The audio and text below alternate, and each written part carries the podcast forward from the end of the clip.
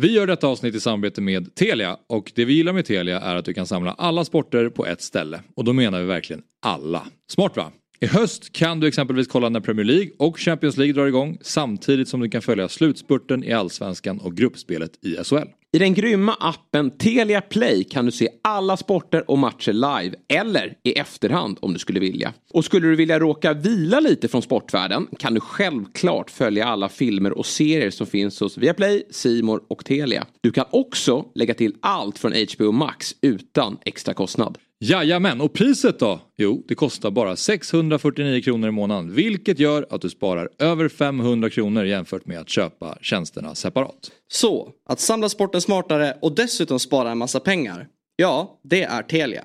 Fotbollsmorgon presenteras i samarbete med Stryktipset. En lördagsklassiker sedan 1934. Carlsberg, alcohol free. What's your game day ritual?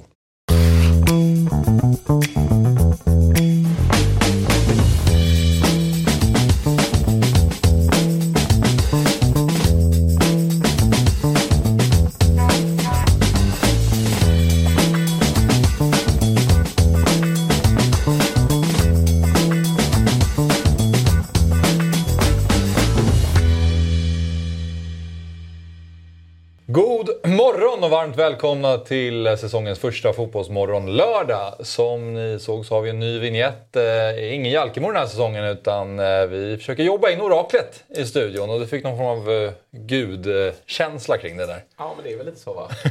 Det är där man är just nu. Efter starten igår med Håland, två kassar och ingen Foden i bygget som ändå var nära att ta plats. Vi försökte övertala honom igår eftermiddag. Och jag var inne där och kladdade, men jag visste att det var en dimridå och oraklet lyssnar inte på någon utan han går på sin egna känsla. Och den är så jävla bra inför helgen. Kul att vara här. Ja, kul att är här. Påhopp direkt. Ja, jag tänkte det- såhär, fan vad kul att Jalkemo inte är med, får man inte så mycket skit.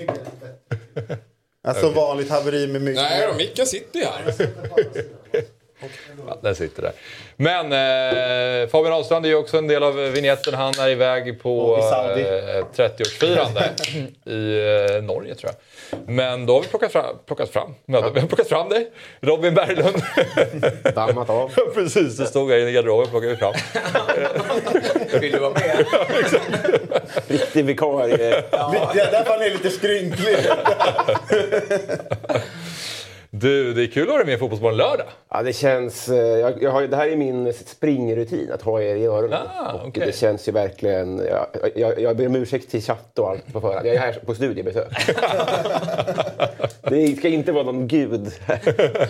På fem år kanske? Kanske, ja. Men jag är ledsen att vi förstör dina springrutiner.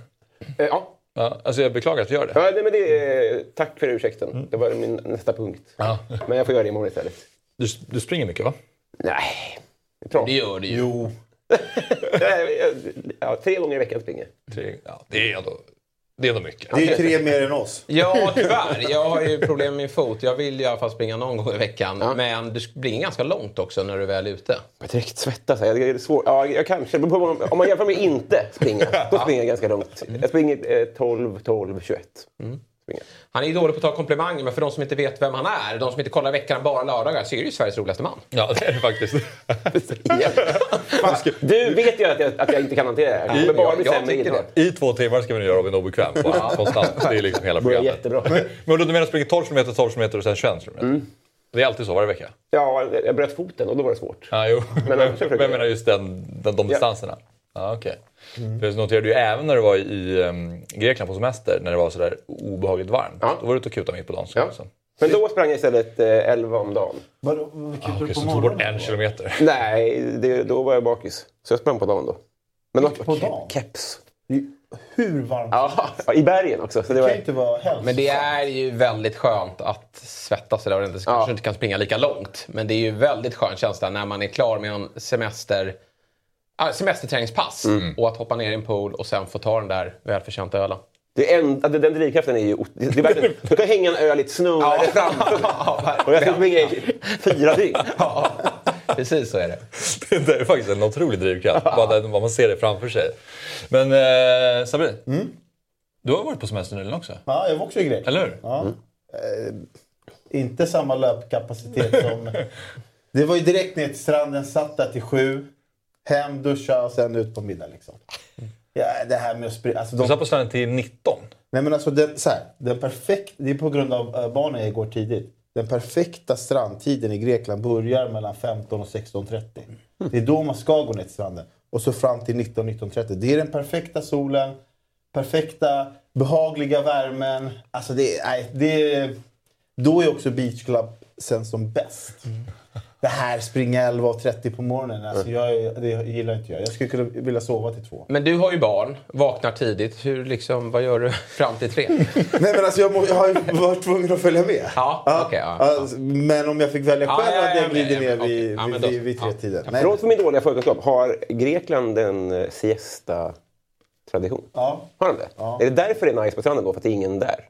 Ja, alltså du, du ser inga greker vid 11.30 Nej. 12 på stranden. Nej. Eh, och du ser inga greker springa vid klockan två heller liksom, i 38 graders värme. Nej. De tycker nog du är lite dum i huvudet. Ja. Eh, Jag behövde inte fråga. Såg det på blicken. Jag ser att eh, Jonas Söderström skriver eh, Hoffmans syn på ditt semesterträningspass. Du sa väl aldrig att du hade haft ett semesterträningspass? Men Eh, om, nej, du, men- om du hade tränat på semester Nej så hade du vetat är det. innan Jo då, men där tycker jag de är fel ute faktiskt. Okej. Men jag har problem med en fot som jag håller på att rehabbar. Men jag är ändå stolt över mig. Och det här, nu låter det riktigt gubbigt. Men jag hade ett snitt på 15 000 steg per dag här under semestern. Det är ändå som gör att man inte mm. Svullrar som en ballong. Liksom. Det eh, för det går ju ner ett par bärs också. Men, men jag är inte lika välförtjänta bärsen som Robin såklart. men eh, vi ska ta oss dit. Men han är ju å andra sidan bra på att springa och Sveriges roligaste man. Så han får ju ta två. Ja. Ja, han har ju allt. Han kommer gå i paus. Han bara lämnar studion. Nej, jag, har faktiskt, jag ska ju springa Lidingöloppet då. eh, Just det. Och, och eh, jag har fått lite problem med knä. Och det, apropå att börja känna sig lite äldre. Det har jag aldrig haft förut. Och just att, bara att säga det, jag har lite problem med ett knä. Jag gillar inte den meningen alls. Välkommen. Hur långt är det kvar? Eh, Det är väl typ 18 september, något sånt. Slutet av september som loppet är. Så det är en månad drygt. Ska du vara där och heja? Absolut. Och det är så skönt med Axel att eh, jag kommer ju se dig. med tanke på, jag behöver inte ta reda på något nummer utan det kommer ju en flaggstång vajandes. Inte i täten utan eh, räkna med. Jag har ganska nära där jag bor. Är det, det har gått lite drygt en kilometer. Så att där går det ganska snabbt. Och det ska bli kul att se när du ansluter. Eh, för det, det går väldigt snabbt i början, så går det lite långsammare. långsammare. Men jag, jag har förväntan på att du ska någonstans vara i mitten. Ja, vi får se. Jag, kan säga att min, jag jobbar inte så snabb frekvens med benen. Jag jobbar i större kliv bara. Så det är en älg som kommer där. Men jag är där och stöttar. Nästa vecka ska jag till abborrbacken för att testa. Bara försöka känna att Ja. jag kan bemästra. Då kommer jag inte att kolla det, men eh, när du väl kör, då, då är jag där. Måndag kväll, vi ses vid abborrbacken. ska du fy och kika när jag kör är- Det är rysare kan säga. Nu eh, tänker jag att vi ska kolla på hålltiderna för eh, säsongens första fotbollsmorgon eh, lördag. Och eh, om två minuter så eh, hoppas vi ha med oss Rickard Henriksson på eh, länk då och prata lite om Premier League. Dels premiären igår mellan Burnley och Manchester City och sen det som kommer idag, imorgon och även måndag då. Och sen har ni fått plocka fram varsin lista, Sabri och Jesper. Sen ska vi gå igenom eh, helgens Stryktipskupong klockan 10. 10.15 då kommer Adam Pintorp in i studion, La Liga-experten. Och ja, han kan ju all fotboll. Så vi ska prata lite Serie A också. Men Serie A börjar ju nästa helg så det blir mer fokus då om en vecka. Och sen vid 11 så avslutar vi med att prata lite Allsvenskan och även lite tips inför Allsvenskan Fantasy Deadline. Vad säger du Sabri om eh, programmet? Ja, fint. Skönt att vara igång igen. Det var, det kändes som att det var en evighet sedan vi satt här på en lördag. Men eh, om man har saknat den här studion så... Nej, det är, jag är riktigt taggad faktiskt. Ja, verkligen. Eh, Rasmus Magnusson skriver i chatten, är det här 60-talistpodden? det kanske var den känslan när vi Ja. drog igång. Ja, den. vi får steppa upp, men eh, ni ser ju vad som väntar här. Att det, det kommer bli roligare då. Ja, exakt. Men igår drog det igång. Eh, kan prata lite innan eh, Rickard kommer. Då. Ehm, eh, Burnley mötte Manchester City och det blev 3-0 till City till slut. Eh, Jesper, vad... det var en ganska väntad match, eller vad, Alltså, vad, tar du med dig? Eller vad Det är klart du? att när du har eh, världens bästa lag som möter en nykomling, visserligen en pigg nykomling då, med tanke på alla har ju nog ganska bra koll på vad Kompany har gjort med det här laget, gjorde flest mål, släppte in minst, vann Championship överlägset.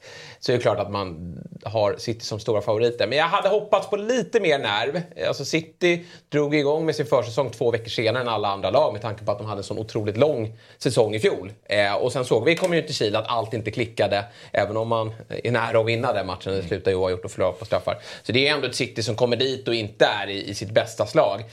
Men någonstans handlar det väl för en nykomling i en sån match att försöka hålla emot första kvarten. Och, och de höll i, i två minuter och, och, då blir det ju svårt. Sen tycker jag att Burnley verkligen visar vilket, vilket maskineri det är. Mm. Pressspelet sitter bra och, och äh, de, de äh, alla vet precis vad de ska göra. Jag pratade med, med Hjalmar här för några dagar sedan och han sa det. Det, det är så svårt att, att, att, peka ut en elva. Vi har ju typ 30 spelare som alla är lika bra. Och det tycker jag lite syns i den här matchen också. Ja. Många är väldigt bra men det saknas lite spets. Så när de erövrar ja. boll så händer lite för lite eh, när, de, när de väl stör City. Så att, ja, det, det var ingen riktig när men, men premiär har alltid någonting och, och jag tycker ändå att eh, Burnley visar att det, det är ett lag som ska stanna i Premier League. Och sen är det ju eh, kul att det fanns en del av snacket, ett embryo av snacket att Haaland inte hade gjort mål på, på, några matcher. Mm. Och då är det så här, ja men har han svalnat lite och sen så tar det tre minuter, 180 någonting sekunder och sen så gör han 1-0 och sen så det där 2-0 målet är också otroligt snyggt. Mm. Jag, jag, jag, tyckte inte jag såg jätte... Alltså, folk började snacka om det, men det, jag tror inte det finns jättemånga som sitter och ifrågasätter Håland och det tror jag man kan lägga ner med att eh, det kommer gå perioder där Håland kanske inte gör lika mycket mål. Men jag tycker han visar igen då i sin avslutsteknik att när, när Håland inte gör mål då är det oftast hans omgivning som kanske inte riktigt ser till att han får rätt bollar. För när han får mm. rätt bollar då, då smäller det ju. Ja, ja. Två galna mål tycker jag. Alltså jag tycker att båda målen visar, så, visar vilken typ Klass. av avslutare han är. Det första målet, det är inget drömmål, men jag tycker det är, så, det är sån skyttekungsaura över det. Att hinna först på den. Det är inget dåligt försvarsspel, men han är bara där och, och stöter in den. Och andra målet, är, hade någon annan gjort det hade man kanske sagt att det var en lyckoträff. Men när det är Håland så, så vet man att det, det är där den ska sitta. Mm. Men eh, Robin, mm. måste bara fråga dig. Eh, du som håller på Dortmund. Mm. Finns det någonting i det? Nu har ju varit eh, ändå i City en dryg säsong, mm. Håland. Men någonting i det som skaver när du ser honom Nej, alltså, City. Det var med... Saknar honom? alltså, ja, liksom, det har varit praktiskt av honom. Men det, var, det, har aldrig gått så fort att skaka av sig. För att redan när han kom så visst, det, var, det har aldrig varit så tydligt har jag upplevt att det varit ett mellansteg. Nej. Att man, så här, det, får vi, det var som ett lån nästan. Ja. Nu får vi eh, suga ur musten av det här och hoppas på att det eh, ger så mycket som möjligt. Men det, var, det kändes ju aldrig som att han så här, vi kunde övertala honom att bli kvar. Liksom. Nej. Så att, eh, nej, det, jag tror att jag bara har samma syn som, på honom som alla andra som inte håller på konkurrerande lag eller City. Att man bara eh, man slutar inte imponeras. Liksom. Mm. Mm. Men inte, känns det inte som att Dortmund länge har varit ett mellansteg? Alltså så här, det är väl Marco Reus då som kanske inte har tagit liksom det steget och gått över till Bayern München. Så här. Nu, nu känns det som, när ni förlorade sådär på målsnöret förra året, då känns det som att Bayern München kommer vinna 25 år i rad igen. Ja. Men eh, alltså, så här, det, känslan är ju att Dortmund bara är ett mellansteg. Men för mig är det en ära att uh, det, är, det ändå finns, man har en roll på, i världsfotbollen, att det är dit Bellingham går. Mm. Och det, herregud, Dortmund är ju ingen de är inte på absoluta världstoppnivå. Eh, och, och, då får man nog vara stolt, som, som Robin säger, att man kan få de här spelarna som ska bli absolut världsklass. För att det är ju väldigt många bra spelare i Dortmund som inte tar sig därifrån eller vill ta sig därifrån för de, de nöjer sig med Dortmund som är strax bakom den absoluta världstoppen. Mm. Men har du, tar du in spelare som genom åren. Aubameyang när han var där, Lewandowski, eh, Jude Bellingham, Haaland. Ja, det finns fler exempel. Då är det ju till låns. Alltså, då, då, får man vara glad att de är där så länge som möjligt. Ja. Och sen studsar de upp till den absoluta toppen. Min poäng lite här var ju att det är, så här, det är helt okej att sälja Haaland till City, jag förstår det. Mm. Men genom alla åren är det ju alltid Bayern München som har tagit alla Dortmunds... Alltså, jag menar så här, det är ju inte bara att vara ett mellanlag, det är ju att vara extremt lillebror. Det är så här, ja, vi uppfostrar spelare. Så ta Bayern München, det är en direkt konkurrent i samma liga. Det är det jag kan känna mm. är lite så här... Alltså att man är så mindre värd på något mm. sätt. För det är så här, de skulle kunna behålla en del spelare, kanske bygga om på ett annat sätt. Och då utmanar de ju istället Bayern München om att vara Tysklands bästa lag. Jag förstår att de kanske inte kommer bli världens bästa lag. Men det här att hela tiden så här, på något sätt så här, bara ska ge bort spelet till Bayern München och låta dem vara det största laget. Det är det jag kan känna lite så här, fan, det är nya tider nu. Alltså Men det är, utmana dem på ett annat sätt. Det är inte heller riktigt sant längre tycker jag. De, de skakade ju hand på att de skulle sluta sälja till Bayern München. Alltså det var med Hummels och Götze och Lewandowski. Där var det ju verkligen så här. Mm. Då var ju det, det hände ju, period då. Ja, när, det, när varenda storspel. Man visste att de skulle gå dit för det var av praktiska skäl. Man behövde inte byta land och kunde ändå vara en del av världsfotbollen. Men nu, nu är det ju snarare att man går till Premier League. Och floppar där. Liksom. Mm, ja. Förutom Haaland. Mm. Ja. Det har jag mindre emot. Men eh, om, jag frågade dig om du saknar eh, Håland och om det liksom lagt sig. Har, har förra säsongens avslutning lagt sig? eh, men mycket mindre. Det var, det var, det var klart svårare att smälta i så fall. Ja. Eh, nej, det, det, var, det var inte, inte, inte kul. Men också, man, man, man blir liksom fem år äldre. Man lär sig om livet. Då, då Dortmund alltså kunde vinna ligan genom att vinna på hemmaplan mot Eh, vad de mötte. Köln, Mainz. Eh, Dortmund hade Köln, Bayern hade Mainz. borta. Mm. Ja, och det var ju ända in på sista minuterna där så var det Musiala som gjorde mål i slutet mm. för Bayern München och ni lyckades inte vinna på hemplan. Så det var rafflande. Mm. Det var det verkligen. Hur känner man nu då när Bayern München värvar Kane? Är det så stor skillnad mellan lagen att man liksom, det gör inget, det, det, det måste till en underprestation oavsett från Bayern München? Eller blir du irriterad att de blir ännu bättre? Liksom?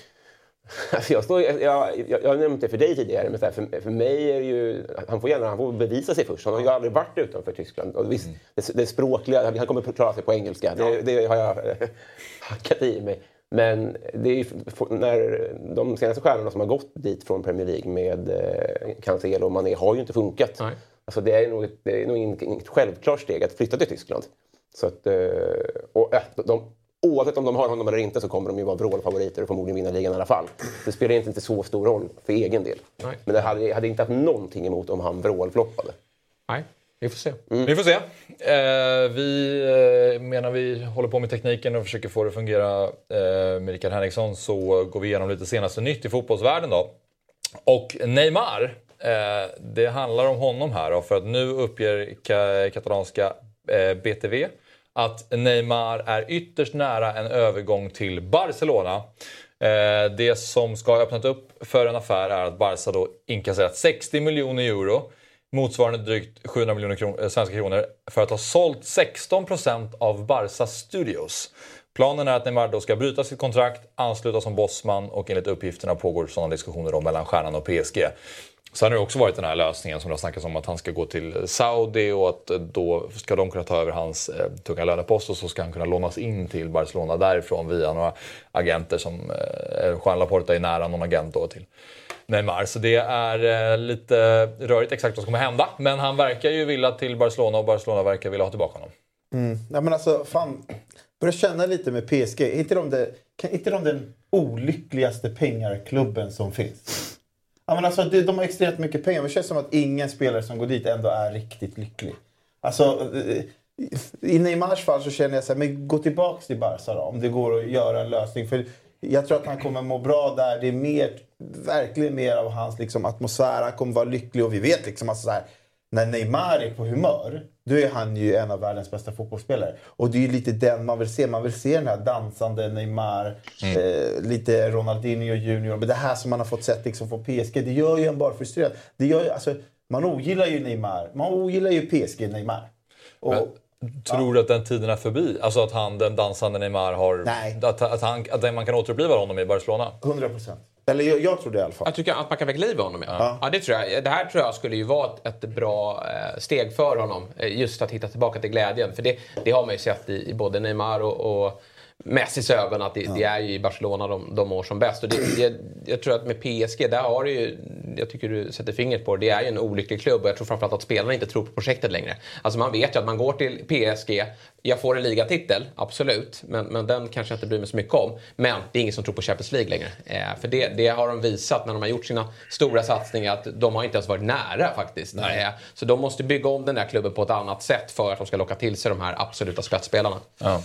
Nu tror jag att vi har med oss... Ja, precis. Vi pausar Neymar-diskussionen där lite grann för nu tror jag att det ska fungera. Då säger vi välkommen till Fotbollsmorgon lördag via Plays programledare och Premier League-expert Rickard Henriksson.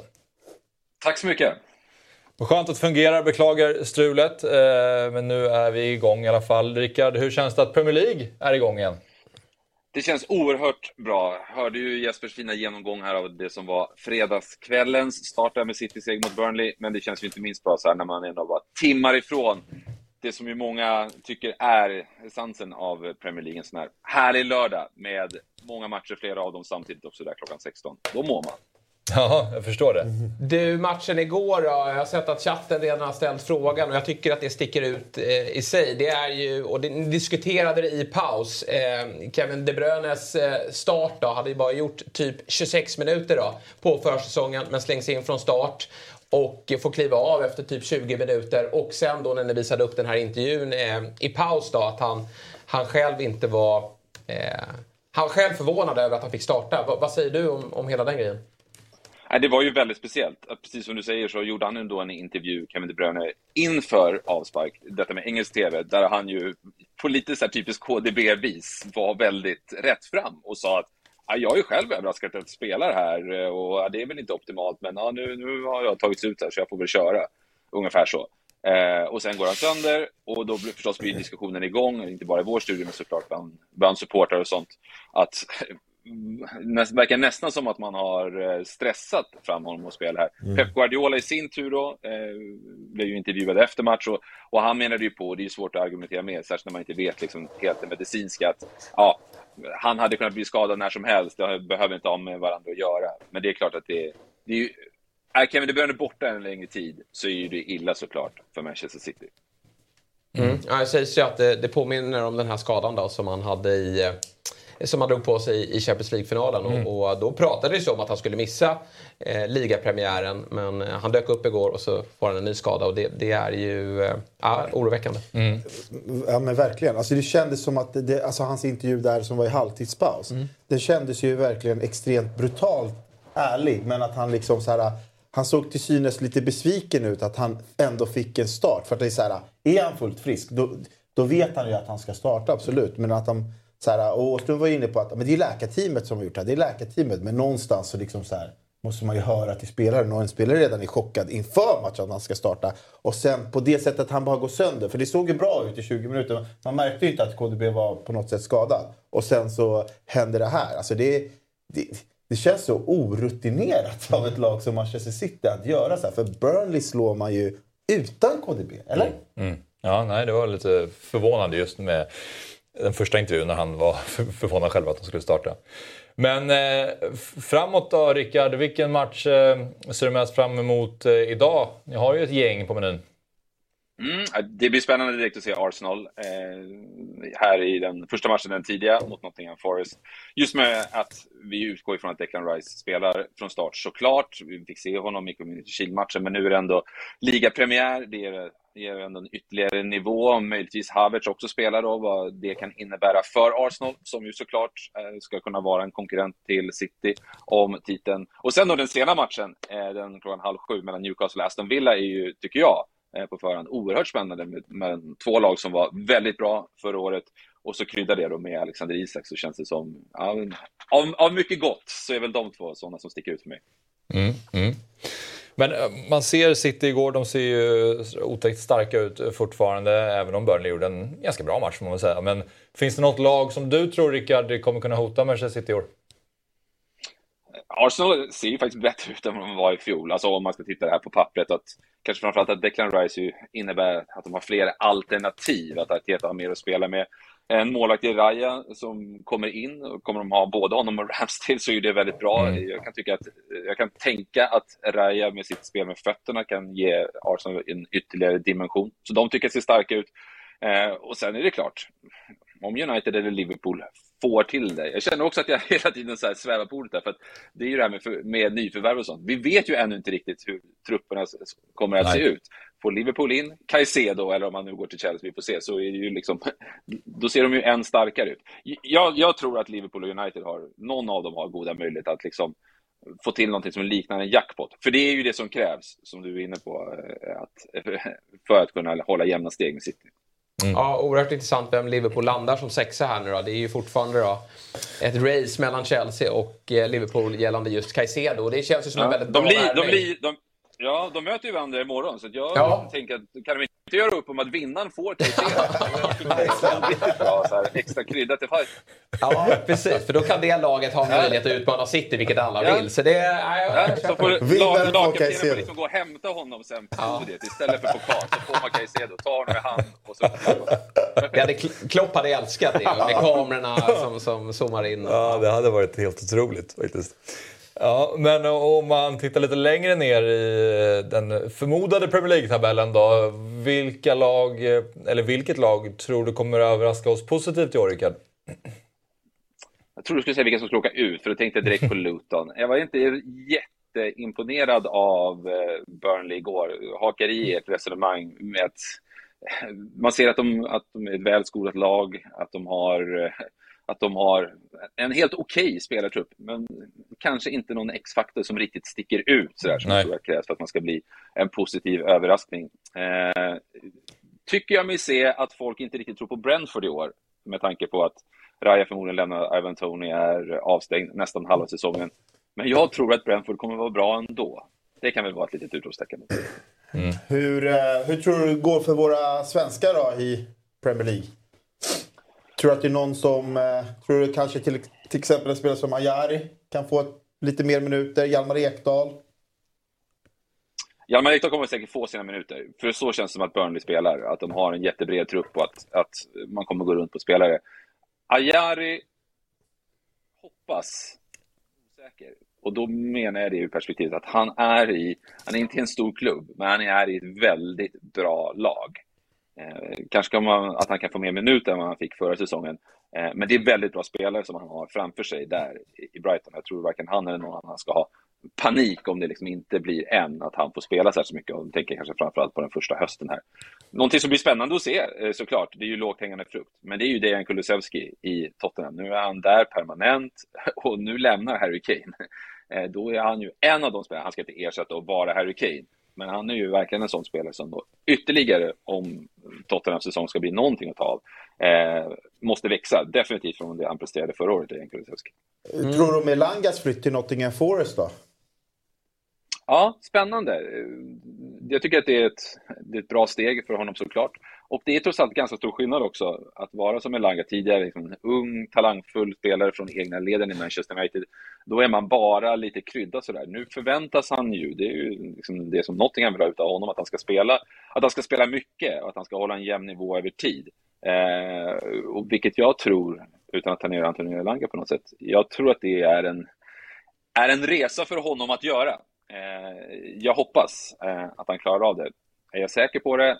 Nej ja, Kulusevski-spåret är intressant. Där. Han kom ju och var väldigt bra där första våren när han tog sig in lite överraskande då från Juventus. Supporterna var ju missnöjda. De ville ju ha Luis Diaz. Fick Kulusevski, han levererade. Men fjolåret var ju lite sämre. Lite skadebekymmer men mm. kom inte riktigt upp i nivå för man mäter ju väldigt mycket på poäng. Och de poäng han gjorde, det var ju oftast att han, han skickade sin fina vänsterfot på bortre och, och klickade med Harry Kane. Men, men alla klickar ju med Harry Kane. Nu är han borta och då är det lite att eh, Kulusevskis uppgift tillsammans med Madison och Son, det är ju att få igång Richarlison. Så att eh, Kulusevski måste steppa upp och, och, få igång poängproduktionen känner jag. Mm. Mm, och så ska man veta också att förra året var ju dysfunktionellt Antonio Conte Spurs ja. såklart. Yes. Och nu kommer Ange Postecoglou in som ju, i alla fall det man har sett i Celtic och överallt annars, är ju, och även på försäsongen här, alltså Tottenham har sett bra ut. Och framförallt Tottenham har sett väldigt offensiva ut. Det är ju första gången faktiskt på ett tag. Eh, och mm. det borde kunna passa det är en Kulusevski, tänker man. Mm. Mm. Vilka tror du överraskar negativt? Vilka tror du kommer vara bra, som jag ska säga? Nej, de kommer inte vara så himla bra. eh, ja, Brighton kanske? Jag vet inte. Ja, exakt. Ja, det, alltså, jag, för jag tycker när, när folk har pratat eh, så har det låtit så himla likt från alla håll. Det, det har diffat lite vilka som är det tredje laget som åker ut och topp åtta har låtit ungefär likadant. Men jag tycker det, det är modigare att tippa vilka man tror inte kommer passa in i den här mallen som alla experter har, har tyckt. Liksom. Men eller så tycker alla samma sak. Så kan det ju vara.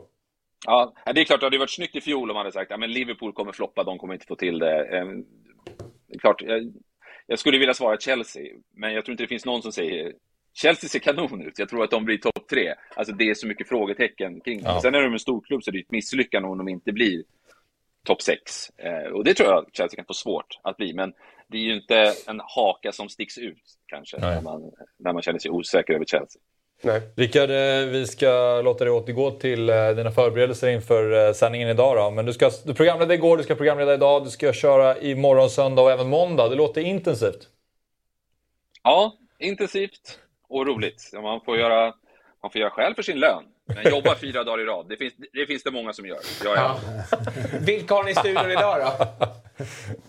Eh, det är några Premier League-fighter i studion. Jag flankeras av Jonas Olsson och Fredrik Ljungberg. Eh, de har koll på den här ligan. Ett par Premier League-matcher där. Mm. Ja, det är det faktiskt. Rickard, stort tack för att du var med eh, och kör hårt idag.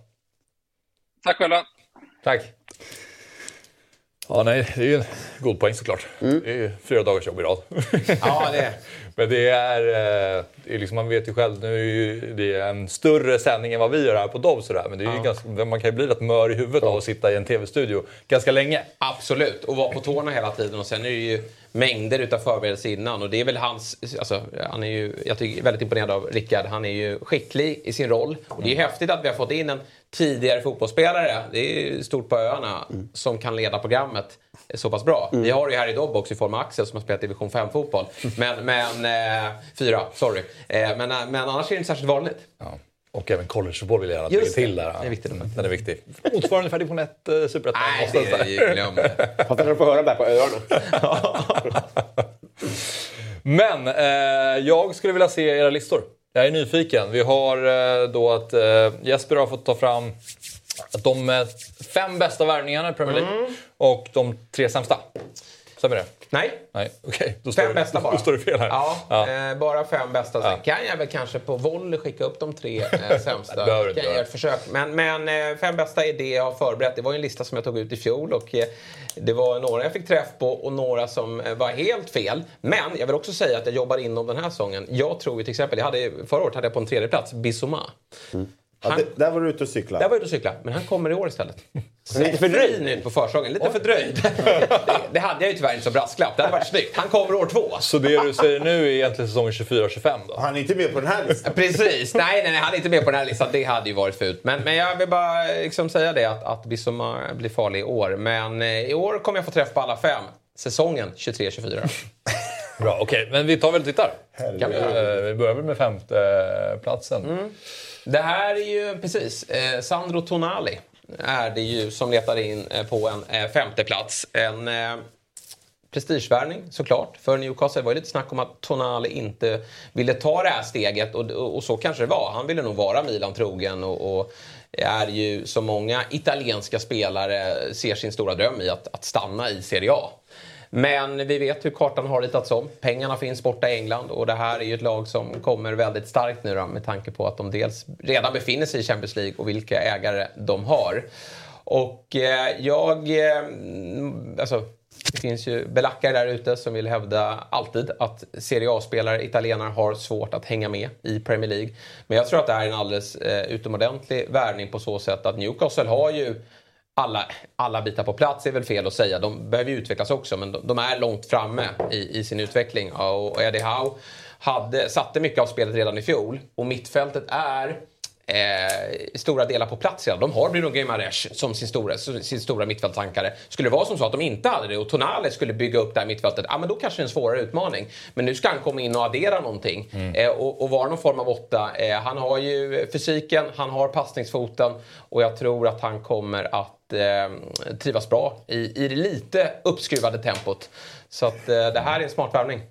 Jag tycker inte riktigt att vi ska gå vidare till fyra. För jag hade ju min lista. Mm. Så jag kan redan droppa vad som står först på min lista. Vad har du för lista då? Men jag har ju lite profetior. Ah, okay. ja. Sabrys mm. profetior. Ja. Och nummer ett står i sämsta värvningen. Sandro Tonali. så då kände jag så här, då kan vi lika gärna... Och jag har ingen aning om din lista. Men jag kände så här, istället för att det ska komma sen så kan vi ta det nu. Ja. Jag jag satt och lyssnade med lite, jag höll på att blöda lite från örat. Jag visste inte att du var född på 60-talet. Eh, okay. Och att Serie A-spelare inte kan spela i Premier League. Ja, det handlar inte om det. Nej, det handlar vad handlar det om då? Men, är du övertygad om att Sandro Tonali kommer göra Newcastle till ett bättre lag? Det är jag inte. För det är svårt att göra Newcastle till ett bättre lag säsong. Ja, på sikt säger jag det. I år vet jag inte, men på sikt absolut. För jag är inte övertygad om att han kommer göra eh, Newcastle överhuvudtaget till ett bättre lag.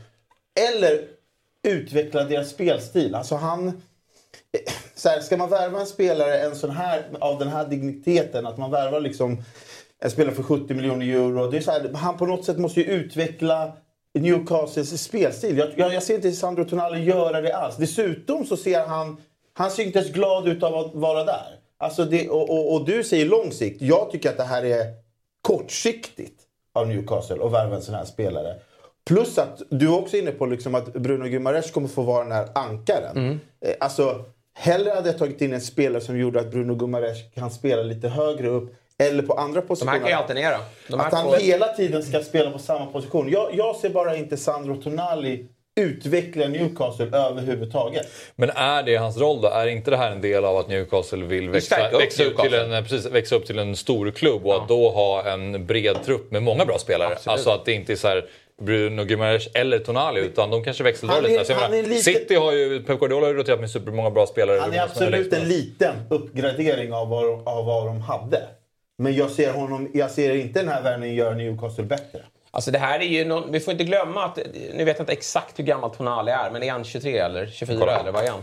Eh, men det är en relativt ung spelare med mängder, utav, 23. eh, mängder utav erfarenhet. Så att han har ju redan eh, spelat väldigt många viktiga matcher i Serie A. Han har redan, det var ju så när han klev upp från Brescia till Milan, omtalad värvning. Fick inte träff riktigt från början, men har ju vuxit in i kostymen. Och då har han liksom någonstans redan tagit sig över en, en kulle. Att det har varit lite motgångar, fått känna lite på det. Men vuxit ut till en storspelare. Och att då kliva in i den här klubben där han kommer bli en, alltså han är ju återigen en, en profilvärvning. Det får man ändå säga när de plockar en, en liksom, eh, Italiens golden boy. Och det är han beredd att axla det ansvaret. Men mycket redan på plats. Det är ju som är så skönt. Han ska inte bygga upp något lag här utan eh, Newcastle funkar som lag. Och då blir han en... eh, Han kommer spetsa dem och göra dem lite bättre. Och det, det, det, är det, jag, som krävs. det är det jag inte tror att han kommer göra. Får vi se. Du tror att Longstaff och, och Willock och de hade varit Alltså det, bättre? är, en- det är en uppgradering, liten. Men som du säger, av den här, den här värvningen av den prestigen så kommer han inte göra Newcastle mycket bättre. Sen Det är det, ju- får man också säga, det är en billig prislapp. Alltså det är ju det. Allt under miljarden idag är billigt. Ja, men vi ser ju eh, Paqueta, vi har eh, det, Caicedo. Alla är ju på 110 miljoner euro. Eh, Det här är ju rena fyndet. men lite 80-talet kan man leva på. Det finns ju inte, det är inte många italienare som lyckas heller i Premier League. Alltså, så enkelt är det bara. Historia är historia och det brukar alltid eh, Vi, vi, gå i hand. vi gör en liten omröstning i chatten. Eh, Kalle får slänga upp en vem som har rätt här. Är Tonali en, en bra värvning eller inte? Så får man hålla med En Jesper, bra eller- eller? Okej, Han sa Ja, att men- de ska göra Newcastle bättre. Jag säger inte att han Okej, kommer. Tonali göra Newcastle bättre då? Är det rimligare fråga att ställa till Ja, chatten? för att det, det här kommer bara betyda att Bruno Guimaraes kommer få spela ankare igen hela, hela säsongen. Och det är inte rätt. Ja. Vill man utveckla Newcastle då ska man flytta upp Bruno. Det är Okej. min- Ja, men... Eh, Men Jo men det kan man göra. Men det har du möjlighet här med Tonali. Det är jättebra att du kan skicka upp Bruno. Jo, han, alltså, nu tycker jag han ska inte spela sexa. Han ska hellre spela upp. Men de har ju alternativ här nu för att få upp Bruno. Sen tycker jag att Bruno Gimenez hade en ganska bra roll i fjol. Liksom. Ja, plats nummer fyra på Jespers lista. Jag stryker den här. Pau Torres. Ja, på tal om billig prislapp. Det är en dyr prislapp fast Villa, men att få in en spansk landslagsman eh, som är handplockad av eh, Unai Emery som han har jobbat med tidigare. Det tycker jag är imponerande. Det är någonting man har ställt Alltså, Aston Villa har ju något intressant på gång. De har ju visat att de har haft en plånbok under, under väldigt många säsonger. Och jag tycker att de har hela tiden gjort bra värvningar. Men kanske inte riktigt haft tränaren på plats. Nu har det ju visat sig att de har den. Och då får han plocka in sin ja, vad jag antar är favoritspelare. Det här är en mittback. Det är alltid svårt att hitta rätt mittbackar. Men jag tror att det här är en mittback som alla lag i eh, Premier League skulle kunna tänka sig plocka in. Nu är det faktiskt Aston Villa som tar honom. Och eh, Tyrone Mings, Konsa, alla som finns där. De är, är bra eh, mittbackar. Men det här är ytterligare en... Alltså, en Pau Torres eh, är en världsklassback. Ja, han är Alltså- faktiskt det. Och de har använt honom lite. Jag har sett att de har använt honom lite som att de skickar upp, att de spelar en treback ibland, så som är trendigt nu. Att det, han är uppställd som någon form av vänsterback, men har klivit in som en, en mittback eh, eh, tillsammans med Konsa och Minks och så har de skickat ut Matt- Matty Cash. Eh, men han kan även vara en av två där i centralt. Så jag, jag, jag, jag är imponerad att de lyckas landa och, det också visar ju på hur fotbollskartan ser ut idag. Att man plockar in en, en mittback av den här eh, klassen och att det är Aston Villa som gör det. Alltså hade det varit Arsenal eller eh, Chelsea eller någon av Big Six-klubbarna. Eh, även om de har varit, alltså nu pratar vi Chelsea som en sämre klubb det senaste året, så får folk förstå att det är fortfarande en, en hierarki i Premier League. Och eh, den, den får Aston Villa följa tills de har gjort eh, eh, resultat över tid. enkelt. Och sen är väl Diego Carlos är väl tillbaka också. Ja, han han, ska- han var ja, ju stämmer. jävla bra innan sin Ja, skada men, också. exakt. Kommer också han gick sönder direkt där så att han är också tillbaka. Så det, det är fin konkurrens där bak. Nu var det ju en smäll för Aston Villa. Många har ju förväntningar på dem. Men, men att Buendia gick sönder här nu då på försäsongen är ju jobbigt för eh, deras offensiv. Men även om det pratas då om att Saniolo ska kliva in och ersätta honom. Plats nummer tre. Josko Guardiola. Ja, det är väl att slå in en liksom, öppen dörr här då. Men... Eh, alltså, svindyrt. Det är... Eh, man blir lite trött på att City bara handplockar det bästa där ute hela tiden. Men, men han är ju som klippt och skuren för Peps sätt att spela fotboll. Och Peps jakt på att bara fortsätta plocka in mittbackar. Han älskar det ju nu. Det är hans nya trend och han kommer fortsätta att fylla på eh, med, med, mittbackar. Mm. Eh, och jag tycker att det här är hur bra som helst. Vänsterfotad. Eh, kommer att bidra till eh, Citys offensiv något oerhört. Det såg vi igår. Eh, Åslund ritade väldigt fint i paus där med att de det har vi lärt oss nu att de, de skickar upp en av backarna i någon mittfältsroll. Men inte bara att de kommer ner i någon, någon form av eh, sittande roll utan de snurrar ju runt lite på det. Så Rico Lewis var ju uppe och, och, och hotade backlinjen ibland när, när City hade boll på egen planhalva. Och den här gubben han har ju enorma eh, offensiva egenskaper så att jag tror att han kommer alternera med, med John Stones och igår Rico Lewis till att vara en extremt offensiv mittback. Så att eh, ja, dyr prislapp men, men herregud, han är ju ung och har ju, ju väldigt fusk. många bra fotbollsår framför sig. Ja, fusk är bra beskrivet faktiskt. Eh, ja men det är ju det. Alltså det, är, det är, jag, jag tycker det är en otrolig värvning av eh, City. Och, äh, man behöver inte fylla i efter Jespers äh, uttalande. Men äh, världens dyraste mittback går han väl som. Det är väl alltid något. Och då, ja, man får, alltså, ska man ge något plus till någon annan här så är det ändå Leipzig. Alltså sättet de kan hämta spelare och bara på två år sälja dem för miljarder. Ja, alltså de är helt otroliga. Vi har Soboslide som de sålde nu till Liverpool ganska dyrt. De har Nkunku som de mm. sålde till Chelsea och så nu Guardiol här. Du som gillar tysk fotboll. De är väl de känns väl som att eh, eh, de har gått om alla där. Till att liksom uppfostra spelare och sälja dem dyrt till andra länder. De har ju också hela Red Bull-koncernen. De kan ju plocka liksom från mm. lägre led också. Ja, de har ju Salzburg som ja. är en helt utomordentlig plantskola. De, har ju, de är en mellanklubb, men det finns en lägre mellanklubb däremellan också. En mellanklubb till mellanklubben. så det är, det är som perfekt, perfekt maskineri. Jag köper allt. Men alltså, det är, alltså, ja. kan man tycka vad man vill om att Red Bull har gått in och köpt ja. en division 4-klubb i, eh, i, i, i, Tyskland. Men alltså, fan, mm. de gör ju alla rätt. Alltså, det får man ju säga. Alltså... Konstiga med honom tycker jag att han ser ut att vara 2,06 tycker jag. han ser ja. väldigt lång ut. Han ser ut som en jätte. Alltså, så här, så Hur lång är han då? 1,85. Ja, det tycker jag är märkligt att han är. Det ser ut som att han sitter på ett hus där ja. så, så länge han inte möter Messi va? Det var precis det jag tänkte säga. Jag som mm. inte har sett honom så mycket i Leipzig så... Du har sett en sekvens? det, enda jag vet om Guardiol det är att Messi har liksom lekstuga Han är så jävla glad att han är på andra sidan kontinenten, Guardiol. Men är det någon man ska bli uppsnurrad av så är det väl Messi i ett världsmästerskap. Så han måste bevisa för mig att han inte är en bluff. Ja. Samtidigt, alla kan bli uppsnurrade med Messi så det är inga konstigt. Nej, det där är så dåligt. Ganska jämnt. Det är inte så många som röstar då, men... eh, nej, men, alltså, det här ska bli kul. Bad du sonen jag... gå in och rösta där ute eller? Han är på in på Youtube. Han är ju garanterat på min sida. Men, 62 eh, procent som kommer ha fel. Ja. ja. Tror jag inte alls på. Men eh, då så, vi går vidare på Jespers lista och lämnar Tonali och Guardiola. Där har vi James Madison ja, nej, men jag, jag var ju inne på att Newcastle behövde stärka upp mittfältet. Nu tog de ju en annan typ då i form av Tonali men jag hade ju även eh, under fjolåret tjatade jag i Big Six-podden om att de borde ta Madison. Spurs eller Newcastle borde ta Madison. Nu blev det Spurs och jag tycker att det här är en värvning som blir ju bara viktigare nu också när Harry Kane har lämnat. Jag tyckte den var viktig när Harry Kane var kvar på så sätt att då, då får Harry Kane lite fokusera mer på att vara offensivt i banan. Även om han är väldigt skicklig när han kommer ner så känner jag någonstans att det är lite slöseri. I synnerhet när, när Son inte är i form och Kulusevski inte eh, levererar mål. Men, men, James Madison är en spelare jag är väldigt förtjust i. Jag tycker att han eh, under väldigt många säsonger nu har visat att han är ska tillhöra en klubb som utmanar om de... Eh, inte om titeln, för det är för svårt. Där är inte Madison ännu. Han, han ska inte tillhöra Manchester City eller, eller Arsenal, det, det, är, eh, där finns det bättre spelare. Men, mm. men, strax där bakom så tycker jag definitivt att han ska vara och kanske växla upp till att bli en sån spelare.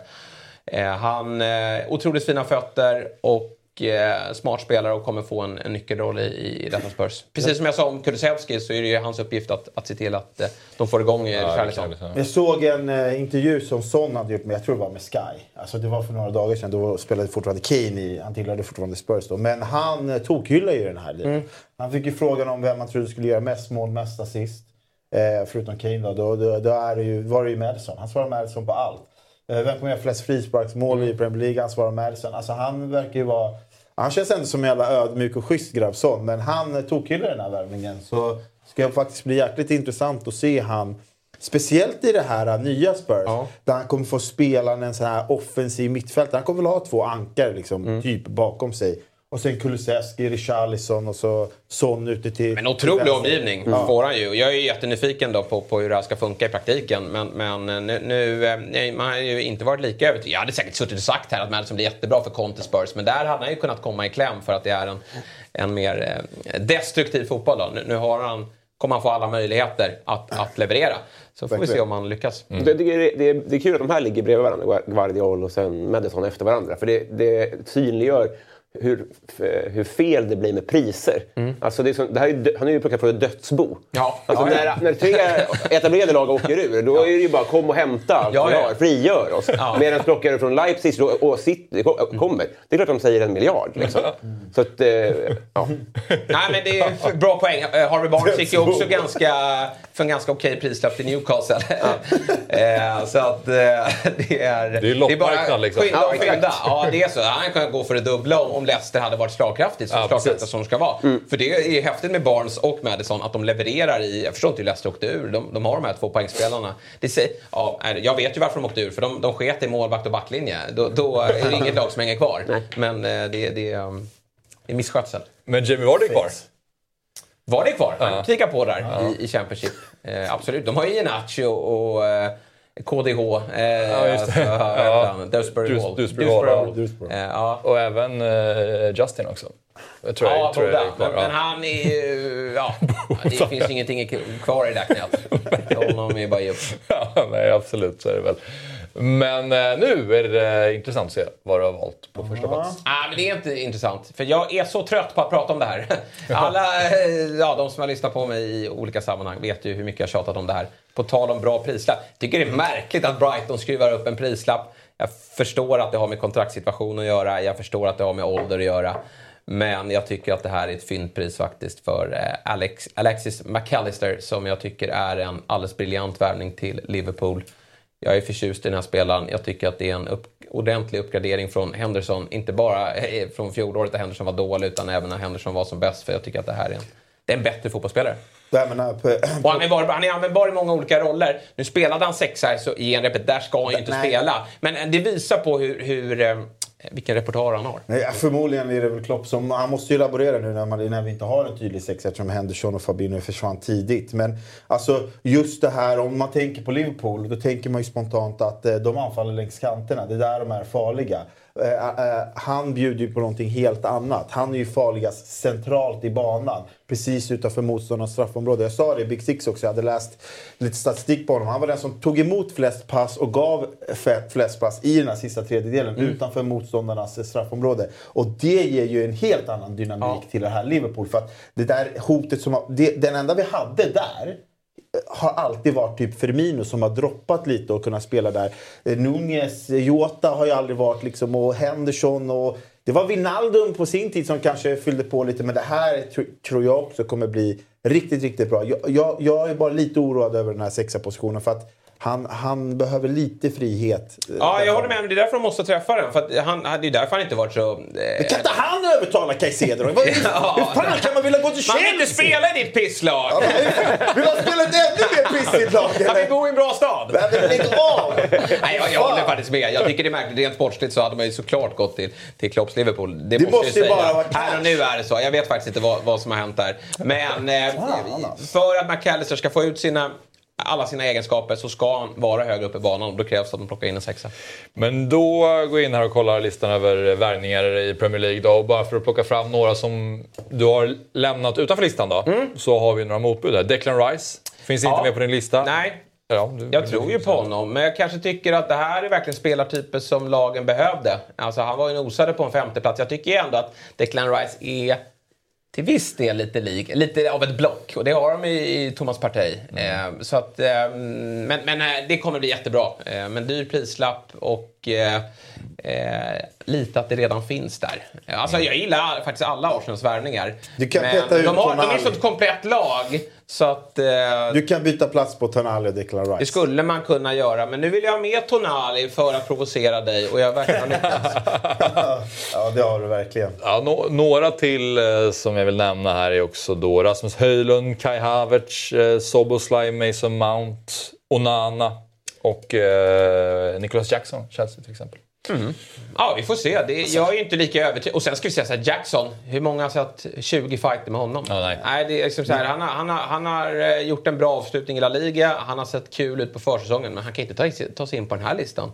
Eh, sen sen eh, förstår jag att det är väldigt många eh, som efter den här säsongen kommer att säga att de ska vara med på den här listan. Jag vet inte ens om, men det här är de gubbarna jag har koll på. Och det här är de gubbarna jag vet kommer förstärka sina lag. Mm.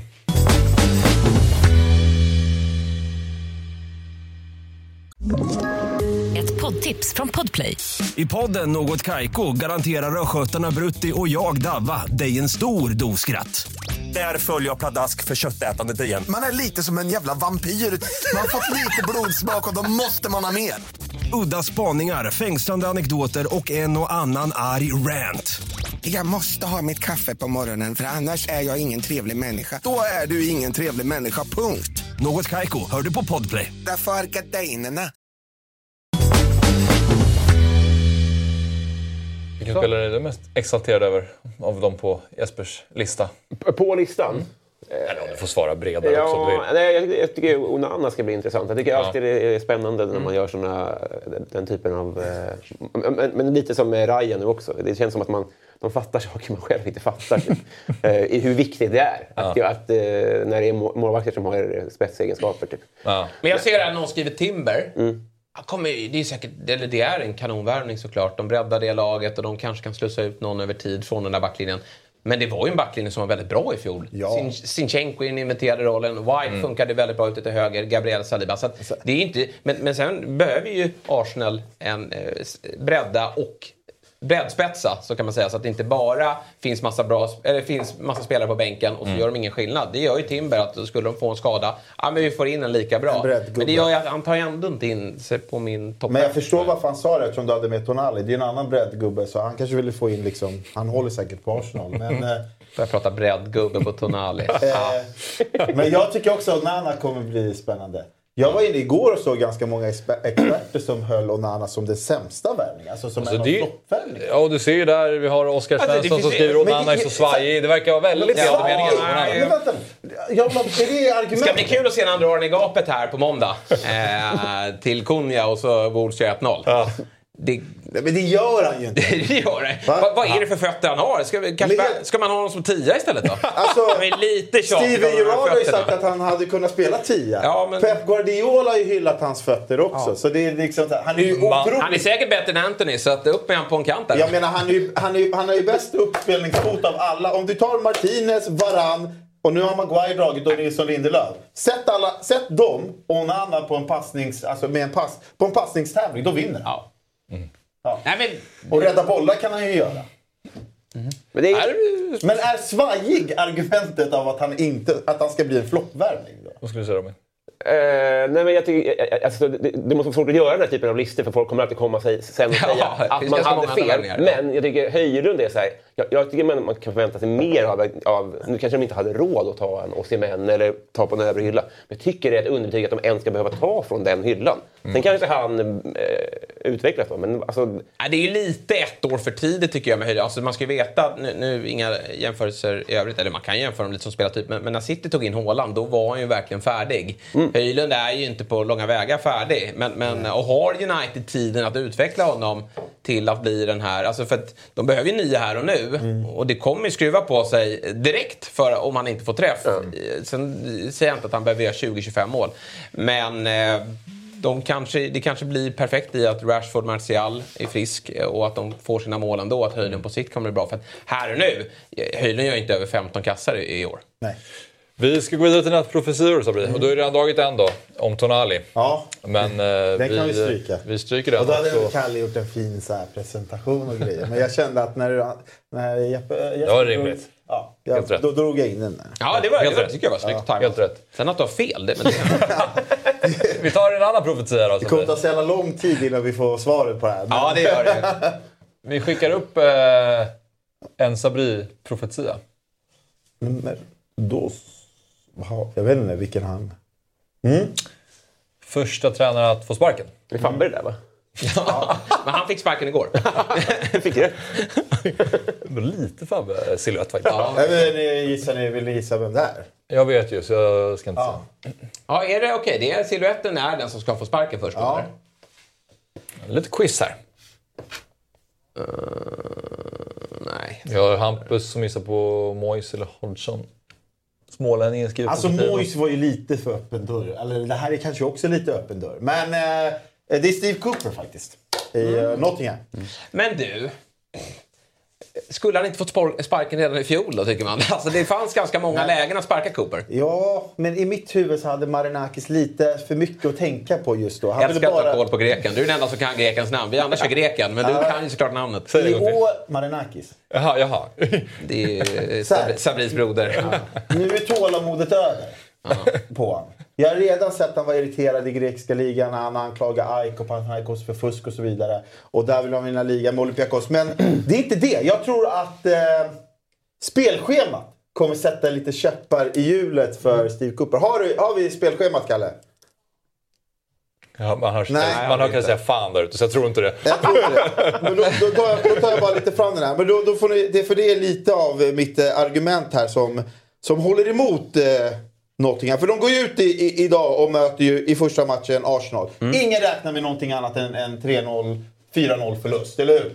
Och det är vad det kommer bli. Mm. Sen kommer nästa match. Nu har man förlorat stort mot Arsenal. Möter man Sheffield United i en måste-match nästan. Mm. Alltså så här, otroligt viktig. Har ju det här dåliga självförtroendet, utspelad av Arsenal. Slutar ju 1 Sen ska man åka till Old Trafford och möta United. Dundertorsk igen! Får en passning av Onana mitt i banan. och är självförtroendet tillbaka. självförtroendet under isen. Sen, sen är det en, en cupmatch däremellan mot Burnley, vilket eh, kan gå hur som helst. Sen ska man möta Chelsea, dundertorsk. Sen möter man Burnley igen i en måste-match. Så jag menar, man har släppt in 10-12 mål på de första fyra matcherna. Och sen, och sen är det City. Så jag menar, där, efter City tar ju, då, då, då tar ju tålamodet slut på Marinakis mm. och Steve Cooper ryker för att eh, han kommer liksom, han kommer vara irriterad på att eh, de inte tog det där. De tog ingen trea mot Sheffield United. Mm. De tog ingen trea mot Burnley. Och så har de torskat mot United, Chelsea, Arsenal och City. Och så ryker han. Mm. Spännande. Så det är den första tränaren jag tror får sparken. Som är lite så här av dem. Nej, men eh, jag ja. kan nog skriva under på det. Nästa profetia då. Ja, det är en väldigt fin bild. Ja, men du ser på han! Det var bättre silhuett va? va? herregud, ta bort det där. Vi ska se på part 2 ja. här. Part 2, ja. Det där är väl Pochettino? Eh, mm. Alltså om man tänker så här... Nej, det, är, det där är Spurs äh, gubbe. Men jag, jag vågar inte uttala hans namn va? Postecoglou. Mm. Nej, tydligen Koglu. Vad, ja, vad, du, vad, vad heter han? Post... Postecoglou? Postecoglou, ja, men Du ska inte uttala E tror jag, eller? Postcoglou. Postcoglou. Postcoglou. Postcoglou. Ja, och, sen, och sen Ange, eller? Ange. Ja, förnamnet är... Eller Ange. Liksom. Det känns som att alla kommer säga olika hela säsongen. Angelos gillade jag, men Kan han det får själv bara säga. men, så här, om, om Steve Cooper var liksom en öppen dörr, vi vill han, Moise och, och, och, och, eh, kanske Sheffield United Lutons tränare som kanske var, låg där i toppen av bli sparkade. Men det är så här... Det är så här, kan allt skita sig för Spurs? Det är lite så jag känner. Jag menar så här, Kane av de utpekade topplagen liksom, av tränare som kan få sparken först så, så, så, så håller jag nog eh, på Skoglo högst. För det är så här, Kane var ju ingen spelare som var någon börda av något slag. Det är ingen så Ronaldo-typ som var såna, på något sätt virus. Utan han var ju ledare både på och utanför plan. Skulle resultaten gå lite emot Spurs så ser jag inte... Det är alltid Kane som har hållit ihop Spurs. Alltid. Det har gått lite kämpigt. Men det är alltid han som har hållit ihop dem. Jag menar, Tar vi förra året när Son liksom var hur usel som helst. Kane höll fanan. Även fast alla andra var dåliga. Jag tror liksom att... Va, va, Okej, vad innebär det här då? Va, va, när får han sparken? Var ligger Spurs i tabellen när han får sparken? Tia, nia. Någonstans där. Och när är det då? svårt att säga, men eh, kanske... Du, du har ju koll på den där resultatet där, så det... ja, men kanske framåt, framåt nyår. Ja, men jag, tror, okay. jag tror på något sätt så här... Eh, och, alltså, om du tar eh, Levis oförutsägbara, hans jävla jargong som han har och, och, han kan tröttna. Han kan ju vakna en dag och tycka att han ska sparka den här tränaren. Eh, men... Så jag tror faktiskt att han ligger farligt för det är en oprövad tränare. Han vill spela det här offensiva spelet. Men sen, hur kul kommer det vara när de förlorar 4-3? För försvaret, vi såg ju mot Barca och, och sådär. Det är, det är ju High Chaparral. Så är det ju bara. De kommer vilja ösa framåt. Och, och försvaret kan bli lite lidande. Och jag vet liksom inte om, om Spurs är beredda på det här riktigt. Men då... Jag tror ju att Levi ändå kliver in med eh, inställningen att nu, jag ska inte sparka eh, honom. Alltså det, det, får inte ske. Men det var ju samma med Bowley, med Potter. Att den här gubben ska vi inte sparka. Men går resultaten emot och, och det, det, det, man är tia runt nyår, ja, men då skulle jag nog också kunna se att det här är en tränare, så om det inte finns tendenser, alltså säsongen kan ju utvecklas, man kan ligga tia på liga... Ja. Oj, nu har vi Harry Kane med oss ja, ja, precis. Det är många som har skrivit i chatten att Harry Kane nu har skickat ett eh, farväl till eh, Spurs-supporterna. Så vi tar väl och tittar på vad Harry eh, säger här. Hi everyone. Um, I wanted to be the first to tell uh, you Tottenham fans that I'll be leaving the club today. Um, obviously, a lot of emotions going through me right now, and sad to be leaving a club I've spent nearly 20 years of my life at, uh, from 11 year old boy to a 30 year old man now. There's been so many great moments and special memories, memories that I'll cherish forever. So, this is a thank you to all my teammates uh, over the years, uh, all my coaches, all the managers, every single staff member uh, to do with the club, you know, from the kitman to the chefs, everyone involved. Uh, obviously, I've built special relationships with a lot of people. And most importantly, a thank you to you, the Tottenham fans. Um, from the moment I've been playing, I've been one of your own, uh, and I've given everything that I possibly could to to make you proud um, and give you as many special moments as and memories uh, to hopefully last forever. So um, I felt like this was the time to leave.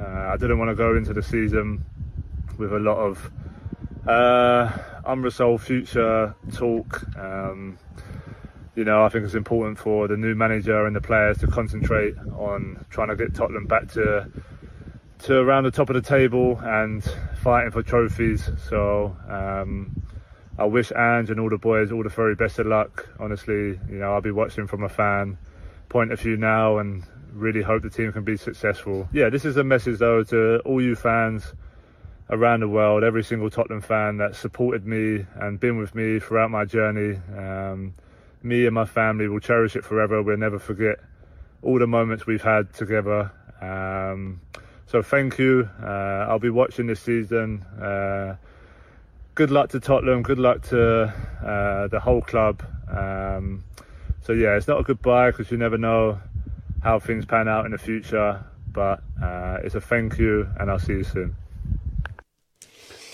Han nämner ju inte Bayern alls. Nej. Men eh, tre minuter sen var Bayern upp en... Eh, eller åtta minuter sen var Bayern upp det också. Mm. De har också bekräftat. Han eh, sa väl samma sak typ tio gånger i den där videon. Mm. thank you, thank you. Ja, det var ju verkligen från hjärtat. Det där var ingen som hade skrivit ihop Nej, någonting. Precis. Ja, sen det är ju småsorgligt det hela såklart. Man kan verkligen ifrågasätta då, det här steget känner jag. Men någonstans, jag tror det, det Tottenham-supporterna ska vara förbannade på. Det är inte Harry Kane utan det är ju misslyckandet i att man inte byggde ett bättre lag runt Harry Kane. Eller framförallt att man inte fick träff på tränarna. För mm. Det har ju varit intressanta lagbyggen genom åren. Men man har misslyckats på tränarposten under flera år här nu. Ja. Så att, att, att Harry Kane inte, alltså man har lagt pengar på klubben. Men att han har inte fått vinna en titel, det har inte berott på Harry Kane utan att klubben inte har funkat. Så att, eh, det är där jag skulle vara förbannad på ledningen och det är ju Spurs mest hela tiden. Levi mm. har ju misslyckats. Mm. Vi kan återkomma till Harry Kane. Jag tänker vi, Ja, vi ska okej. göra så att vi ska kolla på en profetia till från Sabris håll och sen ska vi ta en paus. Okej. Så vi skickar upp... Men vi droppar bara innan, för vi kommer inte gå in. Men jag tror Potter tar över Spurs då, när Postecoglou får. Ja, okej. sant. ja. Mm. Ja. ja, just det. Ja. Precis. Det var... Men ta inte den här, ta eh, den efter. Japp. Big Six-laget som slutar utanför topp fyra. Det måste ju vara minst ett. Två va? ja. Ja, jag vet, det är inte jag som har lagt rubriken. Nej, Nej, alltså det, så blir det ju såklart. Ah, Kalle har tufft med matten. Men det är väl mer så här, storklubben som floppar, tolkar jag det som lite grann. Ja. Eh, Borde vara Spurs då. ja, exakt. det är det, är, det är inte Spurs. Men eh, du- vet? Har du gissning? Jag? Eh, jag kommer inte ihåg, men... Nej. Nej, men det är ju Manchester United. Ja. Oj. Eh, jag eh, tror att de faktiskt... För, för, så här, jag ser tre klara eh, topp treor. Och det är City, Arsenal och Liverpool. De tror jag kommer eh, vara etta, tvåa, trea. I, förmodligen i den ordningen också. Då är det den här fjärdeplatsen som man ska slåss om. Och där tycker jag att det finns Newcastle. Eh, det finns och så- såklart United. Men det finns ju lite så här, visst får Spurs till det så kanske de skulle kunna utmana om de nu inte floppar som jag lite tror. Men du vet, du har ju lite Aston Villa som kan spöka. Du har Brighton, du har flera klubbar. Chelsea? Ja, kanske. Ja, någonstans där i alla fall. Men eh, så här, jag, jag tycker att eh, United förra året överpresterade lite. Och medan vissa andra lag underpresterar. då Liverpool och kanske Chelsea och sådär. Men eh, jag får vibbarna av att de tycker så att de har förbättrat sig så himla mycket. Men eh, det tycker jag alla andra lag också har gjort. Eh, så jag vet inte, jag, jag, jag, ser, jag ser framför mig att de ska kombinera det här då med Champions League. Och, och så mycket hängde på Rashford förra året. Han måste vara ett monster i år igen för att United ska klara av det här. För att annars är det liksom Martial och Sancho och Höjlund och de här spelarna, de är inte tillräckligt bra för att ta den där fjärdeplatsen. Jag tror att de kom, kan få det lite svajigt eh, och hamnar utanför eh, topp fyra. Eh, Reaktioner? Ja, jag tycker du lägger ut texten bra. Jag har väl United som fyra. Sen ska vi veta också att det kan vara som så att en femteplats, eh, eller förmodligen räcker en femteplats även till Champions League nästa år. Det kommer att avgöras under året beroende på hur det går. Eh, Champions League utökas ju fler lag till 24-25 och eh, det är två ligor som kommer få ytterligare en plats då. Och så som det ser ut just nu så är det England och Italien som får det men det kommer att avgöras på, på Europaframgångarna då. Och så att i år kommer faktiskt lagen att heja på varandra ute i Europa för det innebär att de får en femteplats. Men vi pratar topp fyra ändå och jag, håller, jag tycker att eh, Rashford mycket, det är tungt ansvar. Om inte Höjlund tar kliv, Anthony Sancho hittar tillbaka till Dortmund-formen. Då är det mycket som vilar på Rashfords axlar. Jag tror ju att han är beredd att, att, att brösta det. Men eh, långt ifrån säker. Ja, det är väl bara kanske hela bredden då av truppen som jag inte kanske tycker håller för att det det är Champions League en annan grej än Europa League. eh, Och där vill man ju alltid ta sig långt. Så är det ju bara. Eh, Jag, ser, eh, jag är inte lika övertygad om, om United på topp 4-plats. Skönt för Sabris skull att chatten verkar ha hängt sig för att eh, han blir ju halshuggen där förmodligen. Ja, precis. Den har pausat där. Det är av många United-supportrar. Ja, det? Ja, det det- tror jag. Du såg ju på Onana där. Alltså, ja, finns- där har de ju blivit bättre säger du ju. Onana. Han Ja, sin... eh, men han kan ju inte fylla alla elva... Han, han kan inte fylla de andra nio positionerna. Hade det, hade det, Det funnits, lät ju så på dig. hade det funnits Rashford och Onana bara, då hade de vunnit ligan. Hade de vunnit eh, Premier League med 11 och Nana bara? Va? 11 och Nana, då hade de vunnit ligan. Ja, och en Rashford. Och en Rashford, okej. Är inte det. United, de har väl här bättre ryggrad än de har haft sen man var liten typ. Med Casemiro, en backlinje som funkar. Alltså, Garnacho, eh, nej vad heter han? Vad heter det? Garnacho. Ja exakt, han är ett år äldre och Höjlund får ett tid på sig. Jag, inte, så här tycker jag att man, jag hade köpt det här alla andra år än i år. Typ. Ja. Ja, men det är därför det, då är det lite Ja, kanske. extra spännande att följa. Men, jag tycker liksom att de andra lagen också har förbättrat sig väldigt mycket. Alltså jag tycker att Aston Villa ser intressant ut. Jag tycker Brighton fortfarande är bra. Jag tycker Li- Liverpool kommer ju inte sluta eh, på 25 plats liksom. Och inte Chelsea heller. Nej men alltså jag, jag tror att eh, de måste överprestera för att nå topp 4. Och det tror jag att inte att de gör. Tack för eh, den profetian. Vi ska släppa dig nu Jesper. Eh, kul att ha med. Väldigt kul att vara med. Eh, En otrolig helg som väntar. Så att eh, vi ska det. hem och förbereda gubbarna. Ja, bra. Gör det. Eh, och när vi är tillbaka då ska vi prata Stryktipset och sen efter det så har vi Adam Pintorp i studion och då blir det La Liga och Serie A-fokus. Så sitt kvar.